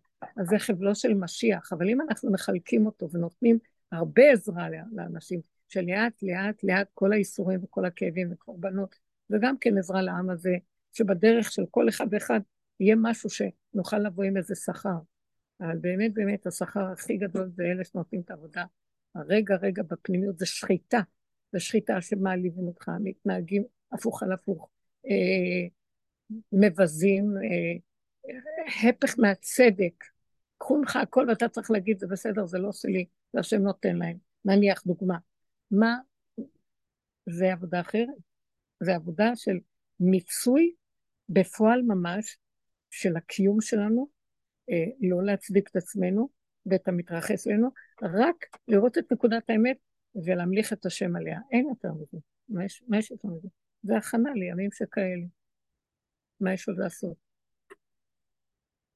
אנחנו יכולים רק להיות קשובים אם נדרש מאיתנו ידיים ורגליים לעשות פעולות, להיטיב לזולת, אבל בקטנה, זה לא השיגעון. בוא נתנדב, בוא נעשה זאת. זה עוד מהמוח של השיממון, שרואה שכולם עושים, גם אני רוצה. למה גם אני? אה, פעם אחותי סיפרה לי, היא באה אצל רב אושר, ושם הגבאי זרק כל מיני תהילים, הוא יצא החוצה מרב אושר, אמר, רב אושר אמר לך, לאישה הזאת, תגידי כך וכך פרקי תהילים, ולזאת הוא אמר, תגידי מפרק זה, ולזאת הוא אמר, ואז אחותי צעקה, ומה? וגם אני רוצה. אז הוא אמר, למה את צריכה? בגלל שאמרו לכולם. גם את רוצה? רב אושר היה מאוד מדויק. אז הוא דיבר מהפה שלו, למה, למה את קופצת שאת גם צריכה? לא פנו אלייך. מה את מתנדבת? שבי במקומך, ועד אלייך מה שצריך לבוא, יגיע. זה הצמצום והעוצמה וה, של הכלי הריק שדרכו מתגלה אור חדש. מה שמגיע לך תקבל, למה אתה רץ? מה אתה, מת... מה אתה דואג? מה אתה אה, מבוהל ומקנא שלשני יש ולך אין? למה אתה רואה שני שלישי? מה חסר פה? מה שלך פה בכלל? ושני כוחות יש בבריאה, קין והבל. קין זה אחרי עץ הדת, זה כל, זה סוג של מידות של כוחנות, ישות, חוזק, הוצאה החוצה, התרחבות, כוחי ועוצם ידי, כעס, רוגז ורציחה בסוף. שליטה, רודנות. והצד השני הבל. הבל מהבל הכל. אה, זה לא חשוב. מה, כלום. יש לו לב חלש, הוא לא כמו קין, בקניינות שלו. ואז אה, אלה שיש להם את המידות, מופנם כזה, אז יש להם את הרחמנות העצמית וקורבניות ונקמנות ונטרנות. הם לא מעיזים להגיד לשני, אבל בפנים הם נוקמים ונותרים. חולשת הלב, לא יבוא להגיד. הבל הרג, היבל את עצמו לפני שקין הרג אותו. המידות האלה גורמות, ל, ל, זה, זה מופנמות שגומרת על הבן אדם. אז יותר טוב כבר קין שהוציא את הכל החוצה. אבל זה נבלה וזה התוצאה, באמת. שתי הכוחות האלה שקיימים באדם זה התולדה של עץ הדעת טוב ורע. ואנחנו צריכים מאוד לשרש כל אחד למצוא את עצמו איפה הוא נמצא, וגם יכול להיות באדם את הכל ביחד גם כן, חלקים כאלה וחלקים כאלה. ואלה המידות שמפריעות לנו להכיר את הבורא. כי למה? כי השני הוא האלוקים שלי.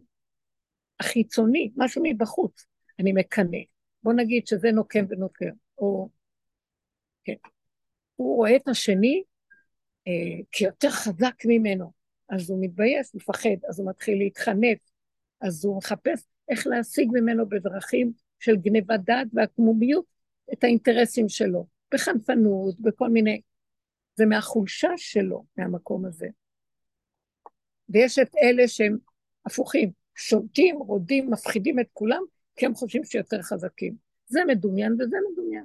זה רק בהחצנה וזה במופנמות. המידות האלה מסתירות, כי אני נותן לשני את הכוח. אני רודה בשני כי אני יותר חזק ממנו והוא נראה שאפשר לשלוט עליו, הוא מסכן. או, הוא נראה יותר גדול, אז אני, אז אני נותן לו כוח, אבל בצורה חנפנית ומסביב. אז אני נותן, אני שם את האדם על הבמה ולא אני נותן את הכוח. אז איפה השם פה?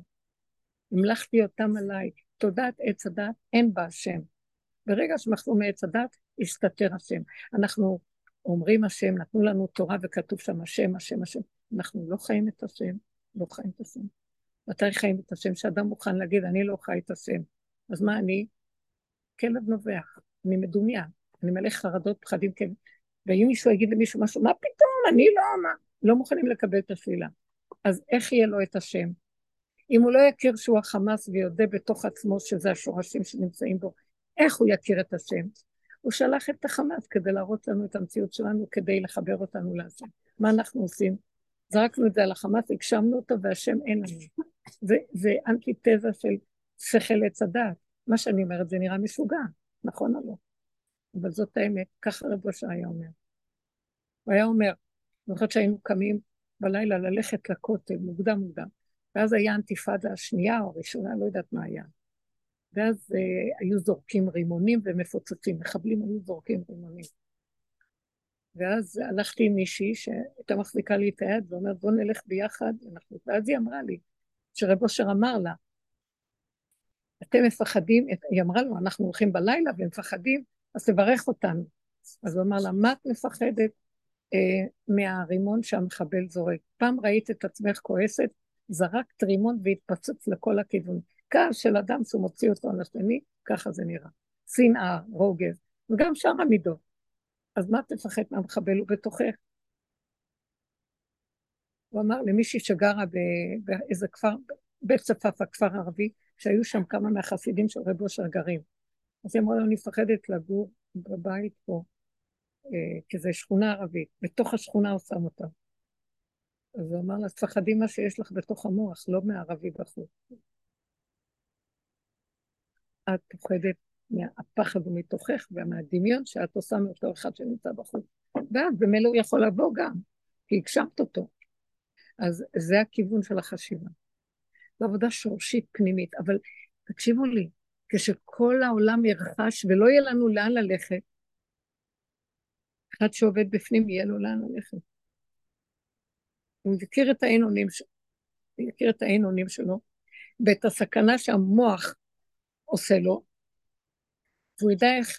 למשוך את השלטר ולרדת למטמוניות שלו, ולא לדעת, ולא להבין, ולא כלום. ויפקיר את עצמו לבורא עולם. מה אכפת לו כלום? זה לא שהוא לא רוצה להרגיש, אבל זו הדרך היחידה להמליך את השם, שהוא ייתן לו את הרגש האמיתי שיהיה לתועלת לו ולאחרים. היום, מה הרגש שלי יכול להועיל לאחרים? שאני מפחד, אני יכולה להועיל למישהו שם בחוץ? כשאני בצער נוראי, אני מועילה למישהו? אני מציירת את עצמי ולא הבאתי תועלת.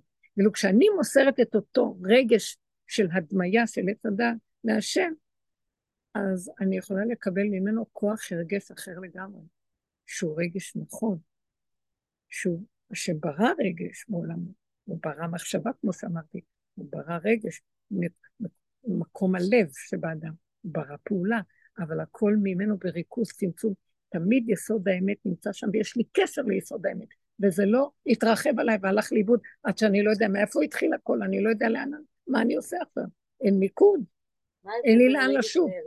איך? מה ההבדל בין הרגש לרגש? הרגש של עץ הדת הוא רגש מושתת על דמיון, למה? שהיה בו איזה נקודה, שמתם לב? אני שמה לב לתינוקות, זה דבר מדהים.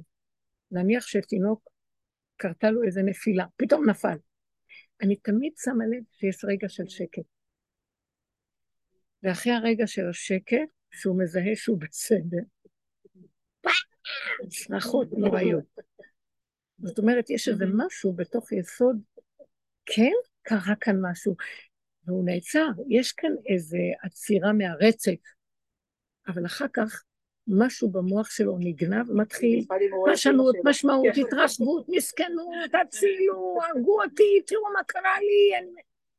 וככה זה בכל דבר, זה רק דוגמה. אצלנו זה גם קורה בדיוק אותו דבר. וגם אנחנו עוד יותר גרועים מזה. אנחנו גם מעוררים לפעמים מהשיממון הנורא שלנו, מעוררים התרגשות שיהיה לנו מעניין. אנחנו מתים מפחד מה שקורה, וכל אחד רץ לספר לעצמו סיפורי זוועה מה קרה. כדי לעורר את הפחד, כדי לעורר את ההדמיה הנוראית. אז רגש כזה הוא... הוא זה הוא, נקרא רגש? זה נקרא, אני אגיד לכם, אחרי שאכלנו מעץ הדת, הכל נשאר אותו דבר, רק כאילו. אתם מבינים?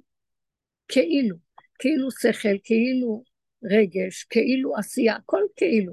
כאשר הכף הדמיון הזאת, היא מוליכה אותנו. ובראש שלה רוכב, אני, כאילו אני קיים. לקחנו את זה מיסוד אני השם. וזה איך שאנחנו חיים. וזה השקר הכי גדול שיש. אז עכשיו, יש רגש, אני שמה לב לרגש הנכון. אה, זו חוויה עדינה מאוד ולא כל רגע זוכים לה, אבל כשזוכים לה שמים לב אליה. זה ממוקד וטיפה של רגש אמיתי זה שמחה ונצח כל כך גדול, שמספיק טיפה מזה ומספיק, וזהו. אתם מבינים מה אני מתכוונת? זה כמו רגע של כזאת שמחה שאי אפשר להכיל אותה, וזהו, שלום. היא עשתה כבר, אה, נתנה לי קניין, שמה רגל בקניין של הנצח, שלום, לכי. אי אפשר להכיל אותה הרבה בתודעה של, של העולם פה. אז יש כזה רגש נכון. תחשבו רגע, שהיו כאלה רגעים בחיים שלנו שיש בהם רגש אמיתי, והוא מתקבע. אה, אני, אני אומרת, במציאות של מה מחזיק לי, למשל, את הנישואים, כל אחד יחפש את עצמו, שבתוך כל הנישואים וכל התהליכים וכל המעברים לא פשוטים, שכל אחד עובר בכל דבר, אם לא היו כמה נקודות שראיתי שזו נקודה אלוקית שהשם נתן ברגע מסוים, לא היינו מחזיקים מעמד להחזיק את המבנה הזה בשום אופן. זה מה שמחזיק את זה. זה כאילו השם אומר, אני קידשתי אתכם ואני נמצא שם, יש נקודה. קטן. שימו לב, מה זה השם? הוויה קטנה, בלתי נתפסת, שאין לה אה, מקום פה בתודעה של העולם, כי היא כל כך קטנה ונעלמת מהר ומתחדשת, כי פה, ברגע שהיא תיפול לכלים של המוח שלנו, היא מתגשמת ונהיית פצצת אטום שמזיקה לבן אדם. איך? אין לה כלי. אין לה כלי, אבל אם היא שוהה לאדם ואין לאדם כלי, אמרתי לכם שאומר השם משמואל, אחד ממפרשי התורה, אה, ששלושה מלאכים שהגיעו לאברהם אבינו, אחד, כל אחד בא בשליחות אחרת, ואחד בא אה, להחריב את סדום, ושלושתם הלכו ביחד וכל השליחויות שלהם. אבל כתוב, וישקיפו המלאכים על סדום. אז הוא אומר, המלאכים הקרינו אור אלוקי על סדום. אבל סדום הייתה רשאית, האור הזה החריב אותה. האור גופה יצר שזה הפך להיות במקום הארה וקרינת אור, כמו הקורונה, למחלה, מחלה מדיבת, מחלת עיניים מדיבת נפש. כן, זה המקום.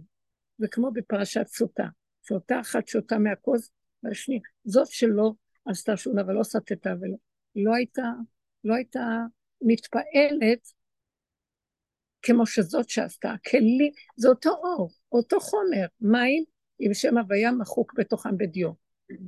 אצלה זה מתגלה בצורה הזאת. ההפך, נהיית מזה יותר פוריה, יותר מושלמת, ו- וזה נחרב לה כל המציאות. אותו דבר. אז זה לא קשור לאור של השם, זה קשור לכלא. עכשיו שיורד אור כזה, יורד האור של השם, אנחנו דיברנו על זה עוד לפני ראש השנה, שיורד אור של השם, ברור, זו תחושה חזקה כבר הרבה זמן. עכשיו, יש כלים, האור הזה יכול עכשיו, זה אור הגאולה. אור הגאולה הוא אור מפעים, אבל אם אנחנו נותנים לו את הכלים הקטנים, יש תחושה של, אה, מישהי אתמול אמרה כל כך יפה, היא אמרה, שהשכנה שלה, אין לה קשר עם השכנה הזאת, דופקת לה בדלת וצועקת. בואי תשמעי איזה חלום שחלמתי, אני חולמת בתוך מלא שערה ובלאגן וטנקים, ו... ואני מסתכלת ואני, אבל אני לא מפחדת כלום, כי פתאום יוצא איזה כרוז בתוך כל זה וצועק, אה, אה, בואו תפתחו בקבוקי יין, הגיע פורים. זה לא אחד ששומע את השיעורים, אנחנו מדברים שמהכיפורים יהיה פורים. אה, זה באמת, התחושה היא של פחד ורחב לבבי, לא פחד, אלא משהו מפעים, אבל שצריך מאוד מאוד לסגור ולהסיר את זה בכלים קטנים, ולא להתבלבל, לא לתת למוח לרחב ולא לרגש להתפזר. אז זה הבדל בין הרגש האמיתי שהוא מצומצם, מרוכז, קטן, לא להרגיש יותר טוב מה שלהרגיש בתודעה של העולם. כי הרגש מאוד גונב לנו את, ה, את הדיוק של הדבר. אבל אני צריכה שאלות גם מכן, מה יש לי מלא תשובות. תגידו. מה היה, איך היה פה כל התקופה הזאת? כמו בקורונה. מה היה? זעזוע כזה, מה? לא, בקורונה הרגשנו אה, לא. את האור אה, כן, זה היה בלי כל ה... לא, לא היה התפעמות אפילו, ואיזה התפעמות וגם איזה... הרגשה שהכל זה כאילו של גילוי השם הקודש בקורונה. עכשיו זה במידת הדין. עכשיו זה במידת הדין. אה, השם כשהוא מתגלה, מידת הדין קודמת. וכדי לעמוד באותה מידה, אף אחד לא עומד בדין של השם, אבל שאין מוח של עץ הדת, הוא יכול להכיל את, להכיל את הדין. כי אין לו משמעות ופרשנות. ואילו אחד שהמוח שלו רגיל, דין, פחד מהדין, מאימת הדין, הוא לא מחזיק ממנו. אבל גולם לא אכפת לו, או בוא נגיד שוטה, שאין לו דעת, היו יכולים להשכיב אותו לישון בטירה מלאה שדים, מה שכולם פחדו לישון שם. היה ישן טוב, לא אכפת לו. כי אין לו את המוח, זה פתוח ויודע. וזה המקום הזה של מוח עץ הדת חייב להיות סגור. תראו, זאת עבודה שנעשית, וגם התשישות, זה כבר לא עבודה למוח, זה כבר התשישות של הגוף עושה את זה בעצמו. תשישות שלנו מהמצב. אבל לכן יש גם איזה הרגשה של תשישות בכלל להתעסק עם מוקדם, לראות את זה, אין כוח לעשות כל התהליך הזה. לא, ממש אסור אפילו לעשות עבודות. עכשיו זה בחינה של כניסה לשבת, זה לא עושים, זהו. אה, ויכלו מלהביא את המלאכה, אין יותר שום דבר. אבל יש כן ריכוז וצמצום, ותהליך של מעבר מתודעה לתודעה. שקט. אם אנחנו פותחים את המוח ומתערבבים עם מה שקורה, זה גונב אותנו מהמקום הזה של בניית הריכוזיות של השקט. אתם מבינות מה אני מדברת? בסדר, אנחנו רגע פותחים את המוח לראות מה נעשה, כי אנחנו בתוך העולם, אבל ההצצה הקטנה לעולם היא בלי לפתוח את המשמעות ופרשנות למצב, רק לקבל נתונים קטנים כדי להיות אה, שייכים בפועל למה שצריך לעשות. אבל דעו לכם, תצמצמו ואל תתרחבו על מה שנעשה. אבל איפה, איפה יראה בסוף? איזה יראה? יראה, כאילו יראה ואהבה.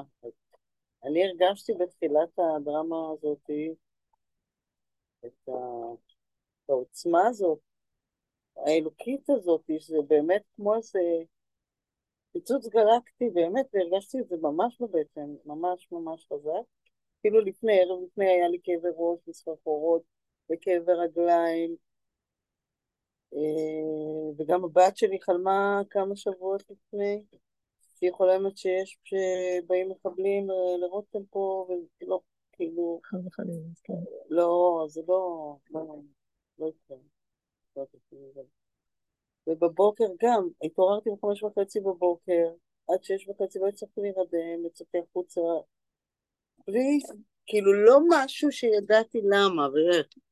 ואז אה, בבוקר ציקי הודיעה לי. אז, אה, אז הרגשתי מין זעזוע, כאילו באמת הרגשתי את הטלטלה הזאת של ה... כמו יונה בסערה של הים. משהו כזה. וזה מה שהרגשתי, יראה ממשהו גדול שקורה פה בעולם, והוא גם קורה פה בתוכי. ויש את המקום הזה, אבל אני חושבת שבאיזשהו שלב לא אמורה להיות יראה, אמורה להיות רק אהבה. לא, לא, לא. רק משהו. לא. נסי לדבר על המקום הזה. אהבה, אה, את הרגשת משהו, אבל אה, אנחנו גנבים גדולים. התודעה גונבת והגוף הזה גונב. אנחנו גונבים את התחושה הראשונית שקיבל, של קורה משהו, יש התפעמות, אבל מי שמצומצם ומרוכז זה לא שלי, זה שלו. הוא לא... אבל הגוף, המציאות של התודעה שנמצאת אפילו כבר בתוך הגוף, גונבת לנו ויש יראה וחרדה ופחד, וכל הפחד שקורה, אנשים משתתים מהפחד. אנחנו צריכים מאוד מאוד להיזהר שהוא לא יחלחל לנו למציאות הזאת. תפתחו את הפה ורק תדברו. אני לא מכיל את הפחד, לא קשור אליי, אבא זה שלך, זה גדול עליי, תרחם עליי, תעזור לי. אני מבקש ממך, הנה הידיים והרגליים, אני אני רוצה להיות לתועלת לעולם. אין שום תועלת מזה שמה הועילו חכמים שזה חסר וזה לא נהנה, אז לא. אני רוצה להועיל, אבל יש לי בית, ילדים, חיים, ואני צריך לפעול בריכוזיות בסוף הדבר. עכשיו, היראה האמיתית, תדעו לכם, יראת השם אמיתית, לא יראת האונס. יראת גילוי מלכות השם, שזה אה, היתקע שופר בעיר ועם לא יחרדו. יש איזו התפעמות, ההתפעמות הזאת היא יסוד, אה, כך אומר הלשם, היא מיתוק הגבורות הכי גדולות באות ממנה. הגאולה תבוא רק מהאור של היראה הזאת, שזה יראה לא של פחד מהאונס, פחד מהמכה. זה יראה של התפעמות מגילוי הדר גאון, אז זה לא, אני לא מגלה את זה, אבל משהו נג... מרגיש שזה משהו. וזה יראה שהיא כולה אהבה. הוא אומר, בתוך היראה הגבוהה, הדין הממותק הוא קורא לזה, יראת הגבורות הממותקות, זאת האהבה שממנה ניגאל. באור הזה ניגאל. אז יהיה בו יסוד של פחד.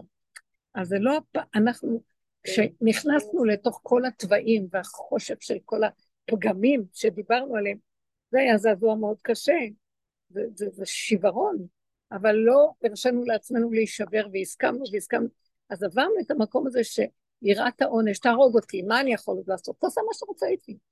ופחד העונש כבר נעלם, כי נכון, אתה צודק ואין מתום בבשרי, אין, אין מקום שאני, שלא תבוא בטענה אליי ואתה צודק במאה אחוז. אז מה עכשיו? אתה רוצה לקחת, תיקח. עכשיו, כשאתה שומע שאנשים מתים מבחוץ וכל מיני דברים, זה לא מזעזע אותך, כי הסכמת בעצמך, בתוכך, ליסוד המיטה, שאין בו שום דבר בעצם. הבנתם מה אני מדבר? שאתם לא מבינים את זה. לא. לא, כי יש איזה יסוד פנימי שהדרך הזאת הביאה אותנו אליו עד הסוף. הגבוליות אבל את הרגשת, יודעת את זה, אני יודעת, אבל זה. הזעזוע עכשיו, הזה, זה לא שאנחנו, לא חפץ במות המת, כי אם בשובו מדרכו וחיים. הוא לא רוצה שנמות, אבל הוא רוצה שנגיע לגבוליות שאנחנו לא מפחדים למות. כן, ברור. כי הפחד מהמוות הוא דמיוני. אדם מת אלף פעם לפני שהוא מת באמת. רק מהפחדים. רבו שלם אומר, המוות הוא רק מעבר ממקום למקום. אז הפחד האמיתי הוא לא מהמוות, הוא המעבר בין תודעת עץ הדעת לתודעה החדשה. זה הפחד של יראת גילוי, משהו חדש, שזה מפעים, וגם אנחנו, תדעו לכם, גם זה, איך, איך? אומרת לך, אנשים מפחדים שהמשיח יבוא, כי הם לא יודעים את התהליך. ממש. צריך לעבור את חבלו של משיח. בחבלו של משיח זה אי אפשר בבת אחת. זה תהליכים לאט לאט לאט, מעט מעט הגרשנו מפניך, כשעוברים את התהליכים האלה. בסופו של דבר השם מרחם על עם ישראל. אני רוצה להגיד לכם, אלה שעושים עבודה פנימית, יש זכות גדולה, כל התלמידים של אנשים גדולים שעובדים באמת, והם מתחת לשטח, אז אה, כמו שאברהם אבינו אמר, בעבור העשרה, אז תעביר את כולם, בסדר? מספיק. ויהיה כזה דבר שיעבירו, אבל יש הפסד גדול. כי כשאדם אה, בעבודתו, בקניין עבודתו, מקבל את המעמד לקניין של גאולה, זה לא דומה מה שאחד שמצטרף בסוף הוא בא לאכול בשולחן. זה לא שאני, זה צריך להבין את זה, אבל יש מה שנקרא, יש קונה עולמו ברגע אחד. שיכול להיות רגע אחד, שיבואו, עכשיו באים, אני רוצה להגיד לכם, כן. לאחרונה נכון. באות מלא נשים חדשים. ואני מסתכלת עליהן, ואני רואה שהאיסורים שהחיים העביר אותם, הן כבר נמצאות שם, לא צריך הרבה כדי לפתוח את הפתח, והן במקום ששנים שאנשים אחרים עבדו כדי להגיע לזה. אז אי אפשר לשפוט ולדון, זה יותר, זה פחות, זה לא יקבל, זה כן יקבל. אני רק מסברת את האוזן, אבל לפחות שהוא בא ברגע האחרון ומתעורר. יש לו רצון להתעוררות, וזה דבר גדול מאוד. זה המקום, אבל מה זה להתעורר? כדי שבאמת ניכנס במיקוד של ההתעוררות, חייבים מאוד להיות חזקים, לא לתת למוח לשוטף בחוץ. והבחוץ הזה, גם אם קצת משהו בא מבחוץ, אני חייב להחזיר את זה לשורשו. לא לברוח ולכסות, אלא מודה ועוזב ירוחם. הוא מכסה פשעיו, לא יצליח. לא לכסות ולברוח, אה, אלא להכיר, להודות, לנגוע בנקודה ולבקש ולהגיד אני לא מכיל. עכשיו אנחנו צריכים מאוד מאוד לנגוע בגבול, וכל הזמן מה שחוזר זה אני לא מגיע, אני לא יכול, לא מכיל, זה גדול עליי. הקטנות זה המקום איפה שהאור החדש מגיע. האור הגנוז יושב על הקטנות, מעט המחזיק את המרובה. שמעתם את המושג הזה? דווקא המקום הקטן, שימו לב, מכל האומות הכי גדולות השם בחר את עם ישראל, מכל הארצות הכי גדולות את, את ארץ ישראל, מכל ארץ ישראל וכל את, את עשר אמות, על עשר אמות של בית המקדש. אתם לא מבינים, המקום של הקטן של הקטן זה חפצו של השם. ולכן המקום הקטן הזה של הסוף הוא שווה את הכול. ללמוד איך לצמצם את המציאות ולהביא אותה לנקודת האמת. נקודת האמת היא קטנה, אבל הערך שלה, המסה של האנרגיה שלה היא בלתי ניתנת לתיאור. וזה מה שהשם רוצה. ואילו אנחנו בתודעת עץ הדת, מי מחשיב את הנקודה הקטנה? וכל זה אינו שווה לי, אומר המן. יושב על עץ חמישים אמה, וכל זה לא מספיק לו. כן? הגדלות מטרפת את האדם, שיגעון הגדלות. ואז הוא מת מכאבים, למה לשני יש ולא אין, והכל שקר וכזב. לא להסתכל על כלום, לראות כלום, אין לדון לשפוט, אין להשוות שום דבר. כל אחד בנקודתו, העיקר שיגע בנקודת האמת שלו, יש קונה עולמו ברגע הזה. זה דבר גדול מאוד של עבודה. לא להתעקש על הדבר הזה, שהמוח לא יגנוב אותנו עם כל המאורעות, כי זה לא מועיל שום דבר. ודווקא מהמקום הזה שאני מצמצמת, אם בא לי לרגע איזה מישהי אומרת לי משהו על מה שקורה בחוץ, מיד להביא אותה לנקודה, להעלות את זה להשם, אני יודעת שזה שמור. זה המקום ששומר. בננו, בנקודה הזאת יש שמירה, מסה של שמירה. מה זאת אומרת להעלות את זה לקדוש ברוך הוא? כאילו שומעים אירועים, ומה זאת אומרת להעלות את זה לקדוש ברוך הוא? זה מגיע אליי, זה עושה עליי איזה רושם, אם זה עובר עליי פחד, אם עובר איזה מקום של... ישר אני מביאה את זה לגבוליות. אני הגנבת הכי גדולה, המוח שלי גונב. הוא עושה את זה שלו, והוא מתפעל, זה גניבה, זה שלך, לא שלי. העברתי, אני רק אני רק צינור, אני הבלדר שמעביר מפה לפה. אני ממליך אותך, השם ברא את האדם כצינור. לכבודי בראתי, יצרתי ועשיתי את עולמי. הוא רוצה להתגלות בעולמו, אין לו גוף ולא דמות הגוף, הגוף שלי זה הגוף שדרכו יכול להתגלות. הוא צריך כלי. אז לכן צריך לתת לו את זה כצינור. אבל עץ הדת שיושב לי פה, התוכנה הזאת, היא גונבת ולא נותנת לי להוריד את זה אליו. אנחנו צריכים להיות מאוד חזקים להעביר את זה. אתם מבינים מה אני מדברת? בדיבור. תדברי, גם הכרה, אבל הדיבור מאוד מעביר. הוא מעלה להשם, מי זאת עולה מן המדבר, מהדיבור. זה עולה, ואין כוחנו אלא בפה, הדיבור. אדם אומר דיבור. דוגמה, תתני דוגמה. לא סתם יושבים שומעים, הנה זה ככה, איזה מעשה גבורה שמעת, איזה... לא משנה, אומרת לו, אפילו דוגמה טובה, כאילו, הנה שם איזשהו מעשה גבורה, מה זאת אומרת לעלות בקדוש ברוך הוא, כאילו, הקדוש ברוך הוא, אתה עשית את זה, כאילו, הכל שלך? מה שאת שומעת והגיע לאוזנייך, אותו, אותו אדם שעשה את המעשה, הוא רק שליח של איזה כוח שעבר דרכו ופעל, תחזירו את זה להשם. אנחנו גנבי מנדט כאן, אנחנו גונבים את הכוח של השם במלכות, זה לא. ואני עשיתי והוא עשה ואת זה, ראיתם? אז מישהי סיפרה לי על האישה הזאת שהייתה שם בוגרת, שנתנה למחבלים לאכול. איך קראו לה? מה זה? מצוקה כזאת. בקיצור, היא אמרה, אז אני שמעתי את הסיפור, אבל קראתי את זה באיזה משהו שמישהו הראתה לי, ואז שמעתי מה היא אמרה. היא אמרה ככה, וואי, נכנסו המחברים. ואני מסתכלת על בעלי זקן, מה יכול לעשות? ואני מסתכלת עליי גם, אין לי כבר כוח כלום. ואמרתי, וואי, הלך עלינו, הלך עלינו. אז אמרתי לבעלי מיד, יאללה, בוא נגיד קריאת שמע, בוא נגיד שמע ישראל, ואנחנו הולכים, אנחנו מתים עכשיו. וזהו. אחר כך היא סיפרה מה קרה, ואני תפסתי את הנקודה הזאת. היא ראתה את המצב, חזרה לעצמה ואמרה, זהו, גבול, אני הולכת. מה נשאר לי לעשות? חיברה את זה להשם. ברגע שהיא אמרה, אני אומרת שמע ישראל, שלום. זה מה שנשאר לי עכשיו, רק להגיד, אבא, הקול שלך, שמע ישראל, קריאת, אה, אז זה, זה הקוד היהודי ברגע האחרון של קיומו. אה, זהו.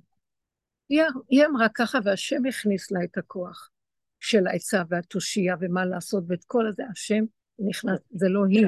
ואנחנו ישר... לא, איזה אישה נהדרת. אתם עייפים, תאכלו משהו רגע, אתם עייפים, רעבים. אבל למה אנחנו לא רואים? ויש כאן נקודה פנימית וכמעט, ואחרונה שאני רוצה לומר, נקודה פנימית בגבול שאנחנו נמצאים בו בעבודה, חבר'ה, אין לנו זמן. עברנו הרבה. פה עובדים עשר שנים בקבוצות, עשרים שנה ושלושים שנה גם. מה שנשאר לעשות לקראת הסוף, דבר פשוט. אפילו אין לנו זמן להגיד, אוי, היא עשתה, היא עשתה איזה משהו. כן, זה השם נתן, לא, היא לא קיימת. השם היה שם, והיא הייתה רק שליחה ודרכה זה עבר. ממנו אליו, כי משלך ומידיך נתנו לך. עכשיו אנחנו רק חייבים לראות כל מה שעובר עלינו. אם עלה לי איזה פחד, זה אתה שלחת לי אותו, להחזיר את זה אליך, כי אני לא יכולה כלום.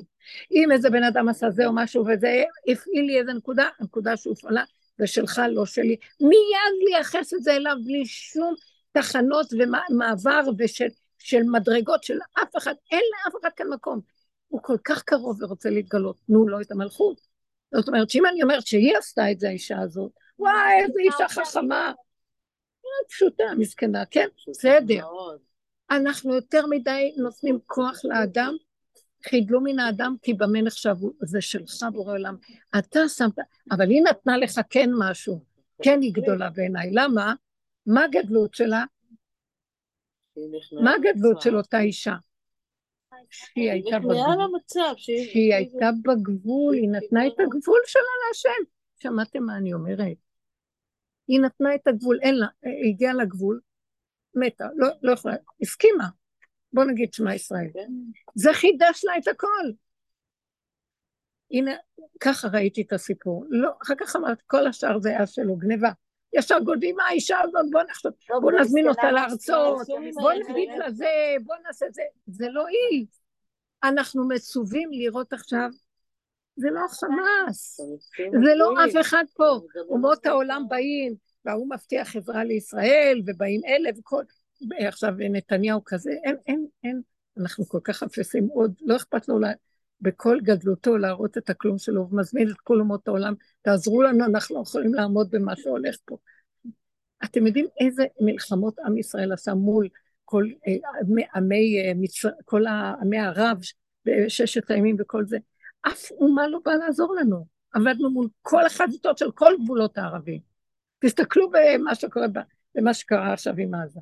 זה רפיסות ואפיסת באין עונות מוחלטת, אה, כיראה כאוזלת יד ואפס עצור ועזוב. אין שום כוח פה כלום לבני אדם. אז נתניהו אומר לנו כוח, בואו תעזרו לנו, הוא מזמין עכשיו את אומות העולם, והם מביאים אה, אמריקה צי, צי שלם של, לא יודעת מה, נוסעות מטוסים, נוסעות לא יודעת מה. הוא מתחיל להזמין את אומות העולם לפה, מתקבצו לכאן אומות העולם. הוא אה, יקלל את הרגע הזה, וזה לא חשוב, וגם תוכנית של השם. וכל הסיפור הזה, חלק מהתוכנית, לקבץ את כולם לפה, וזה לא תהיה המלחמה שלנו. הם ייכנסו כביכול לעזור, והם ייקחו ויתחילו לריב אחד עם השני. הם ינקמו בישמעאל, ואדום ינקום בישמעאל, וישמעאל באדום, והאומות יתחילו לריב אחת עם השנייה למי שייך המקום, ואנחנו נהיה במצוקה. וכל עבודתנו היא להתכווץ ולהיכנס לחורים ולסדקים שלנו, ולא להרים ראש. על הרגע הזה נאמר בנביא לך מי בוא בחדריך, סגור דלתך בעדיך. הביא רגע עד יעבור זעם. אין לנו מקום לפעול יותר כלום. אין מה לעשות ואין מה לפעול. זה רק לתת לו את המלכות. זה לא היא אמרה את זה, האישה הזאת. היא רק נתנה לו את הגבול הקטן של האין אונים. את זה תיתנו להשם. זה עוד משהו שיש לנו. ואת זה הוא רוצה מאיתנו. ותחסרהו מעט מאלוקים. טיפה של גבול שנשארה לנו עוד קיומית, את זה הוא רוצה לקחת מאיתנו. ומזה הוא יתגלה ויביא לנו את זה. אז את זה ניתן לו. איך? אני אומרת, אנחנו חייבים לעשות את זה בחיי היום רגע, רגע. הילדים, היום השתגעתי בחמותי ורגע, רגע. נופלת לי הכפית, אני עושה ככה, עשיתי... הוא נופל לי כוח להרים אותה, אין לי כוח, אני כל כך גבולית, אין לי כוח. דבר הכי קטן, את הגבול הזה אני מוסרת לו, אבל למה בכלל אני צריך לעשות ככה או ככה?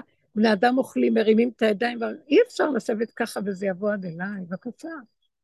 גם נמאס לי ללעוס, הייתה תקופה של טיפולי שיניים, לא יכולתי ללעוס. ואמרתי, כמה אדם עושה עבודה כדי לאכול? כמה הוא קונה, כמה הוא מנקה, כמה הוא מבשל, כמה הוא לועס, כמה שוטף. למה? זה לא המדרגה של אדם. אה, המלאכים מאכילים לשונות, היו מאכילים את האדם לשונות של ככה כמו להבה כזאת, והמן היה מתכלה בתוכה. למה צריך את כל הפעילות העבודה? לא צריך לגנוב את כל ההתרגשות. איזה בני אדם, ובואו תראו. נגמר הדבר הזה. כי להשם המלוכה ומשל בגויים. יכו וידעו כל יושבי תבל, כי לך תכרע כל בארץ שווה כל השעון. אין עוד מלבדו, וזה בחוש בפועל ממש. רגע, רגע, ומי שנותן לו את הגבול, יקבל ישועות. הוא אומר, תנו לי את הזבל, אני אביא לכם אורות, מה אתם רוצים? תנו לי את הכלום שלכם. זה מה שאני צריך מכם. אני כלום? נשים לא יחזיקו מעמד בגילוי האור של השם, בגלל שאין להם תודעה של, יש תודעת אישות חזקה, וזה יהיה זעזוע קשה מאוד. ההכנה הכי גדולה, והכלומיות והאפסות, ושך גדלות האדם וגבהות הנשים תיפול, והדיר בלבנון ייפול, והשם יגדע את רמי הקומה, וכלום, כל הראשים יפלו למטה, והבניינים יקרסו, ויהיה, והשארתי בקרבך, כמו שכתוב בצפניה, פרק ג', עם עני ודל, וחסו בשם השם. הדלות והפשטות של אין, אין לאדם מה להגיד, מה יש לו להגיד? ועם כל זה הוא שמח וטוב לב, כמו ילד קטן, שהוא לא בייאוש, ואני לא כלום. לא, הוא, הוא, הוא מוכן להודות שהוא כלום, כי הוא לא צריך גם להיות משהו. עצם זה שהוא נושם, והוא כלי של השם, זה כל הייעוד שלו. ואת זה, משיח הוא כוח כזה, והוא לא יודע אפילו שהוא משיח, כך אומר הרב. אבל כשהוא כזה כוח שלא אכפת לו כלום, הוא לא בשיוורון, הוא גם לא בגאווה ונצחנות, הוא לא בכלום, הוא עושה מה שהוא צריך לעשות. על אחד כזה השם ירד ויוסיף לו עוד אורות, נשמה של נשמה, ויוריד עליו את האור הגנוב. הוא בעצמו לא יודע. אבל זה מדרגות שיורידו עליו עוד ועוד. כי הפשטות, האמת שלו והעניבות וההכנעה והקטנות, לא הילכתי בגדולות ונפלאות ממני, זה המקום שהשם מחפש, ועבדנו על זה, עשינו, זה לא שפתאום יכול האדם להגיע לזה, זה הכנה. זה הכנה גדולה מאוד. כל עבודת היהודים בכל הדורות, שפשוט כיסחו בנו את הצורה אבל עדיין באנו לקראת הסוף, ואיזה ראש, ואיזה גאווה, ואיזה גדלות, ואיזה ישות. אם זה בעולם, שאפילו בעולם התורה ובזה, יש ישות וגדלות, כל אחד מחזיק לעצמו איזה מעמד ואיזה מזרח ואיזה לא יודעת מדרגה. או ממול, להבדיל מהעולם החילוני החיצוני. זה פרופסור, זה, זה, זה ראש הממשלה, זה ראש, זה... אה, גילינו, אין לאף אחד שום דבר מה לתת לנו. גם בתוך העולם התורה שהצדיקים והחסידים, גם תלמידי חכמים גדולים, בזמנים כאלה אני לא רואה שהשם לוקח מהם, אין להם חזון לתת לנו, אנחנו לא יודעים מה לעשות, לא פונים כבר לשאול גדולים, כי אין גדולים, גם אין מה, אין לו, וגם אין למי לפנות בממשלה, אין לו ממשלה ואין על מי לסמוך ולא. שום דבר. הוא יראה לנו שאין לנו. רק להיות איתו. אבל מאיזה מקום להיות, זה כולם מדקלמים, אין עוד מלבדו. מהכלום שלי אין עוד מלבדו, לא מהיש שלי שאני אומר, אבל אני אמרתי יש עוד מלבדו, אין עוד מלבדו. לא, לא, מהכלום אין עוד מלבדו. זה תהליך שצריך לפרק את כל מי שעמד לפה, כדי לחיות את האין עוד מלבדו, זה לא להגיד אין עוד מלבדו. כולם מדקלמים את זה מאוד יפה, ואחרי רגע כל אחד מרים את הישות שלו. וזו עבודה תמידית, אבל עכשיו היא מגיעה לגבול ולקצה שלה, והשם איתנו. בקיצור, צמצמו ואל תיתנו לה בחוץ לגנוב את המהלך הזה, ותישארו תמיד בקטנה. מה שלא מגיע לטווח שלנו, להעביר את זה אליו בחזרה, ולא להתפעם ולהתרגש ולבנות על זה. וחבל, זה, זה, זה סתם, זה סתם. זה סתם איבוד אנרגיה וסיפוק וריגוש מיותר, שיכול להזיק גם. אכפת לנו מהכלל? תדעו לכם שאם אכפת לנו, צמצמו. דרך הצמצום הזה השם מתגלה והוא שומר את כל מה שקורה פה. וככל שאני, ושאני עוזר לו בזה שאני מתנדב להתרגש ולהתפעל, אני לא השגתי כלום, והפרעתי גם. נפסיד הכל ברגע אחד. שהשם מזכה לנו. מה, אנחנו צריכות לחזור לירושלים, אני רוצה את הברכה שלכם. שנחזור לירושלים אה, לשלום ושהכול פה. כן. תודה רבה. יש לכם עוד משהו להגיד? לגבי כל ההתנדבות, ובאמת כל האהבה שנתגלה. זה דבר מאוד יפה. עכשיו תראו, אני אומרת לכם, מה שאתם רואים שם, לא להגיד, לא, לא צריך את זה, מי צריך את זה? הם צריכים את זה, יש עובד שזה הזכות שלו. אין, אין את הזכות של הנקודה הפנימית של הפנימית, אז יש את זה. אבל אני לא שואלת מה הם, אני אומרת, מה אני? שומעת אותי? עכשיו, המוח שלי משוטט עליהם, ומזה אני מקבל, אולי גם אני, אולי גם אני, כמו שהיא אמרה, מה איתי עם הטילים?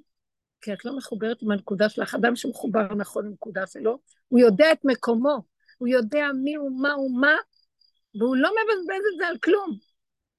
דרכו פועל דבר מאוד גדול. אבל אם אני אומרת, אבל גם הם, גם אני, אבל אולי לא, אבל אולי כן. את רואה את הבזבוז של המוח שלך? תמקדי אותו לתוך הנקודה שלך. מבינה אותי? תמקדי אותו פנימה. את יכולה להועיל הרבה יותר. אלה שעובדים בלוח הבקרה, אלה עובדים בבור, מה שנקרא, יש לנו את הבור בתל אביב. אלה, משם יוצא הכל. מה, את רוצה לעבוד בשטח? מה את רוצה? או שאת רוצה להיכנס לבור ולעבוד? משם יוצא כל הפעולות.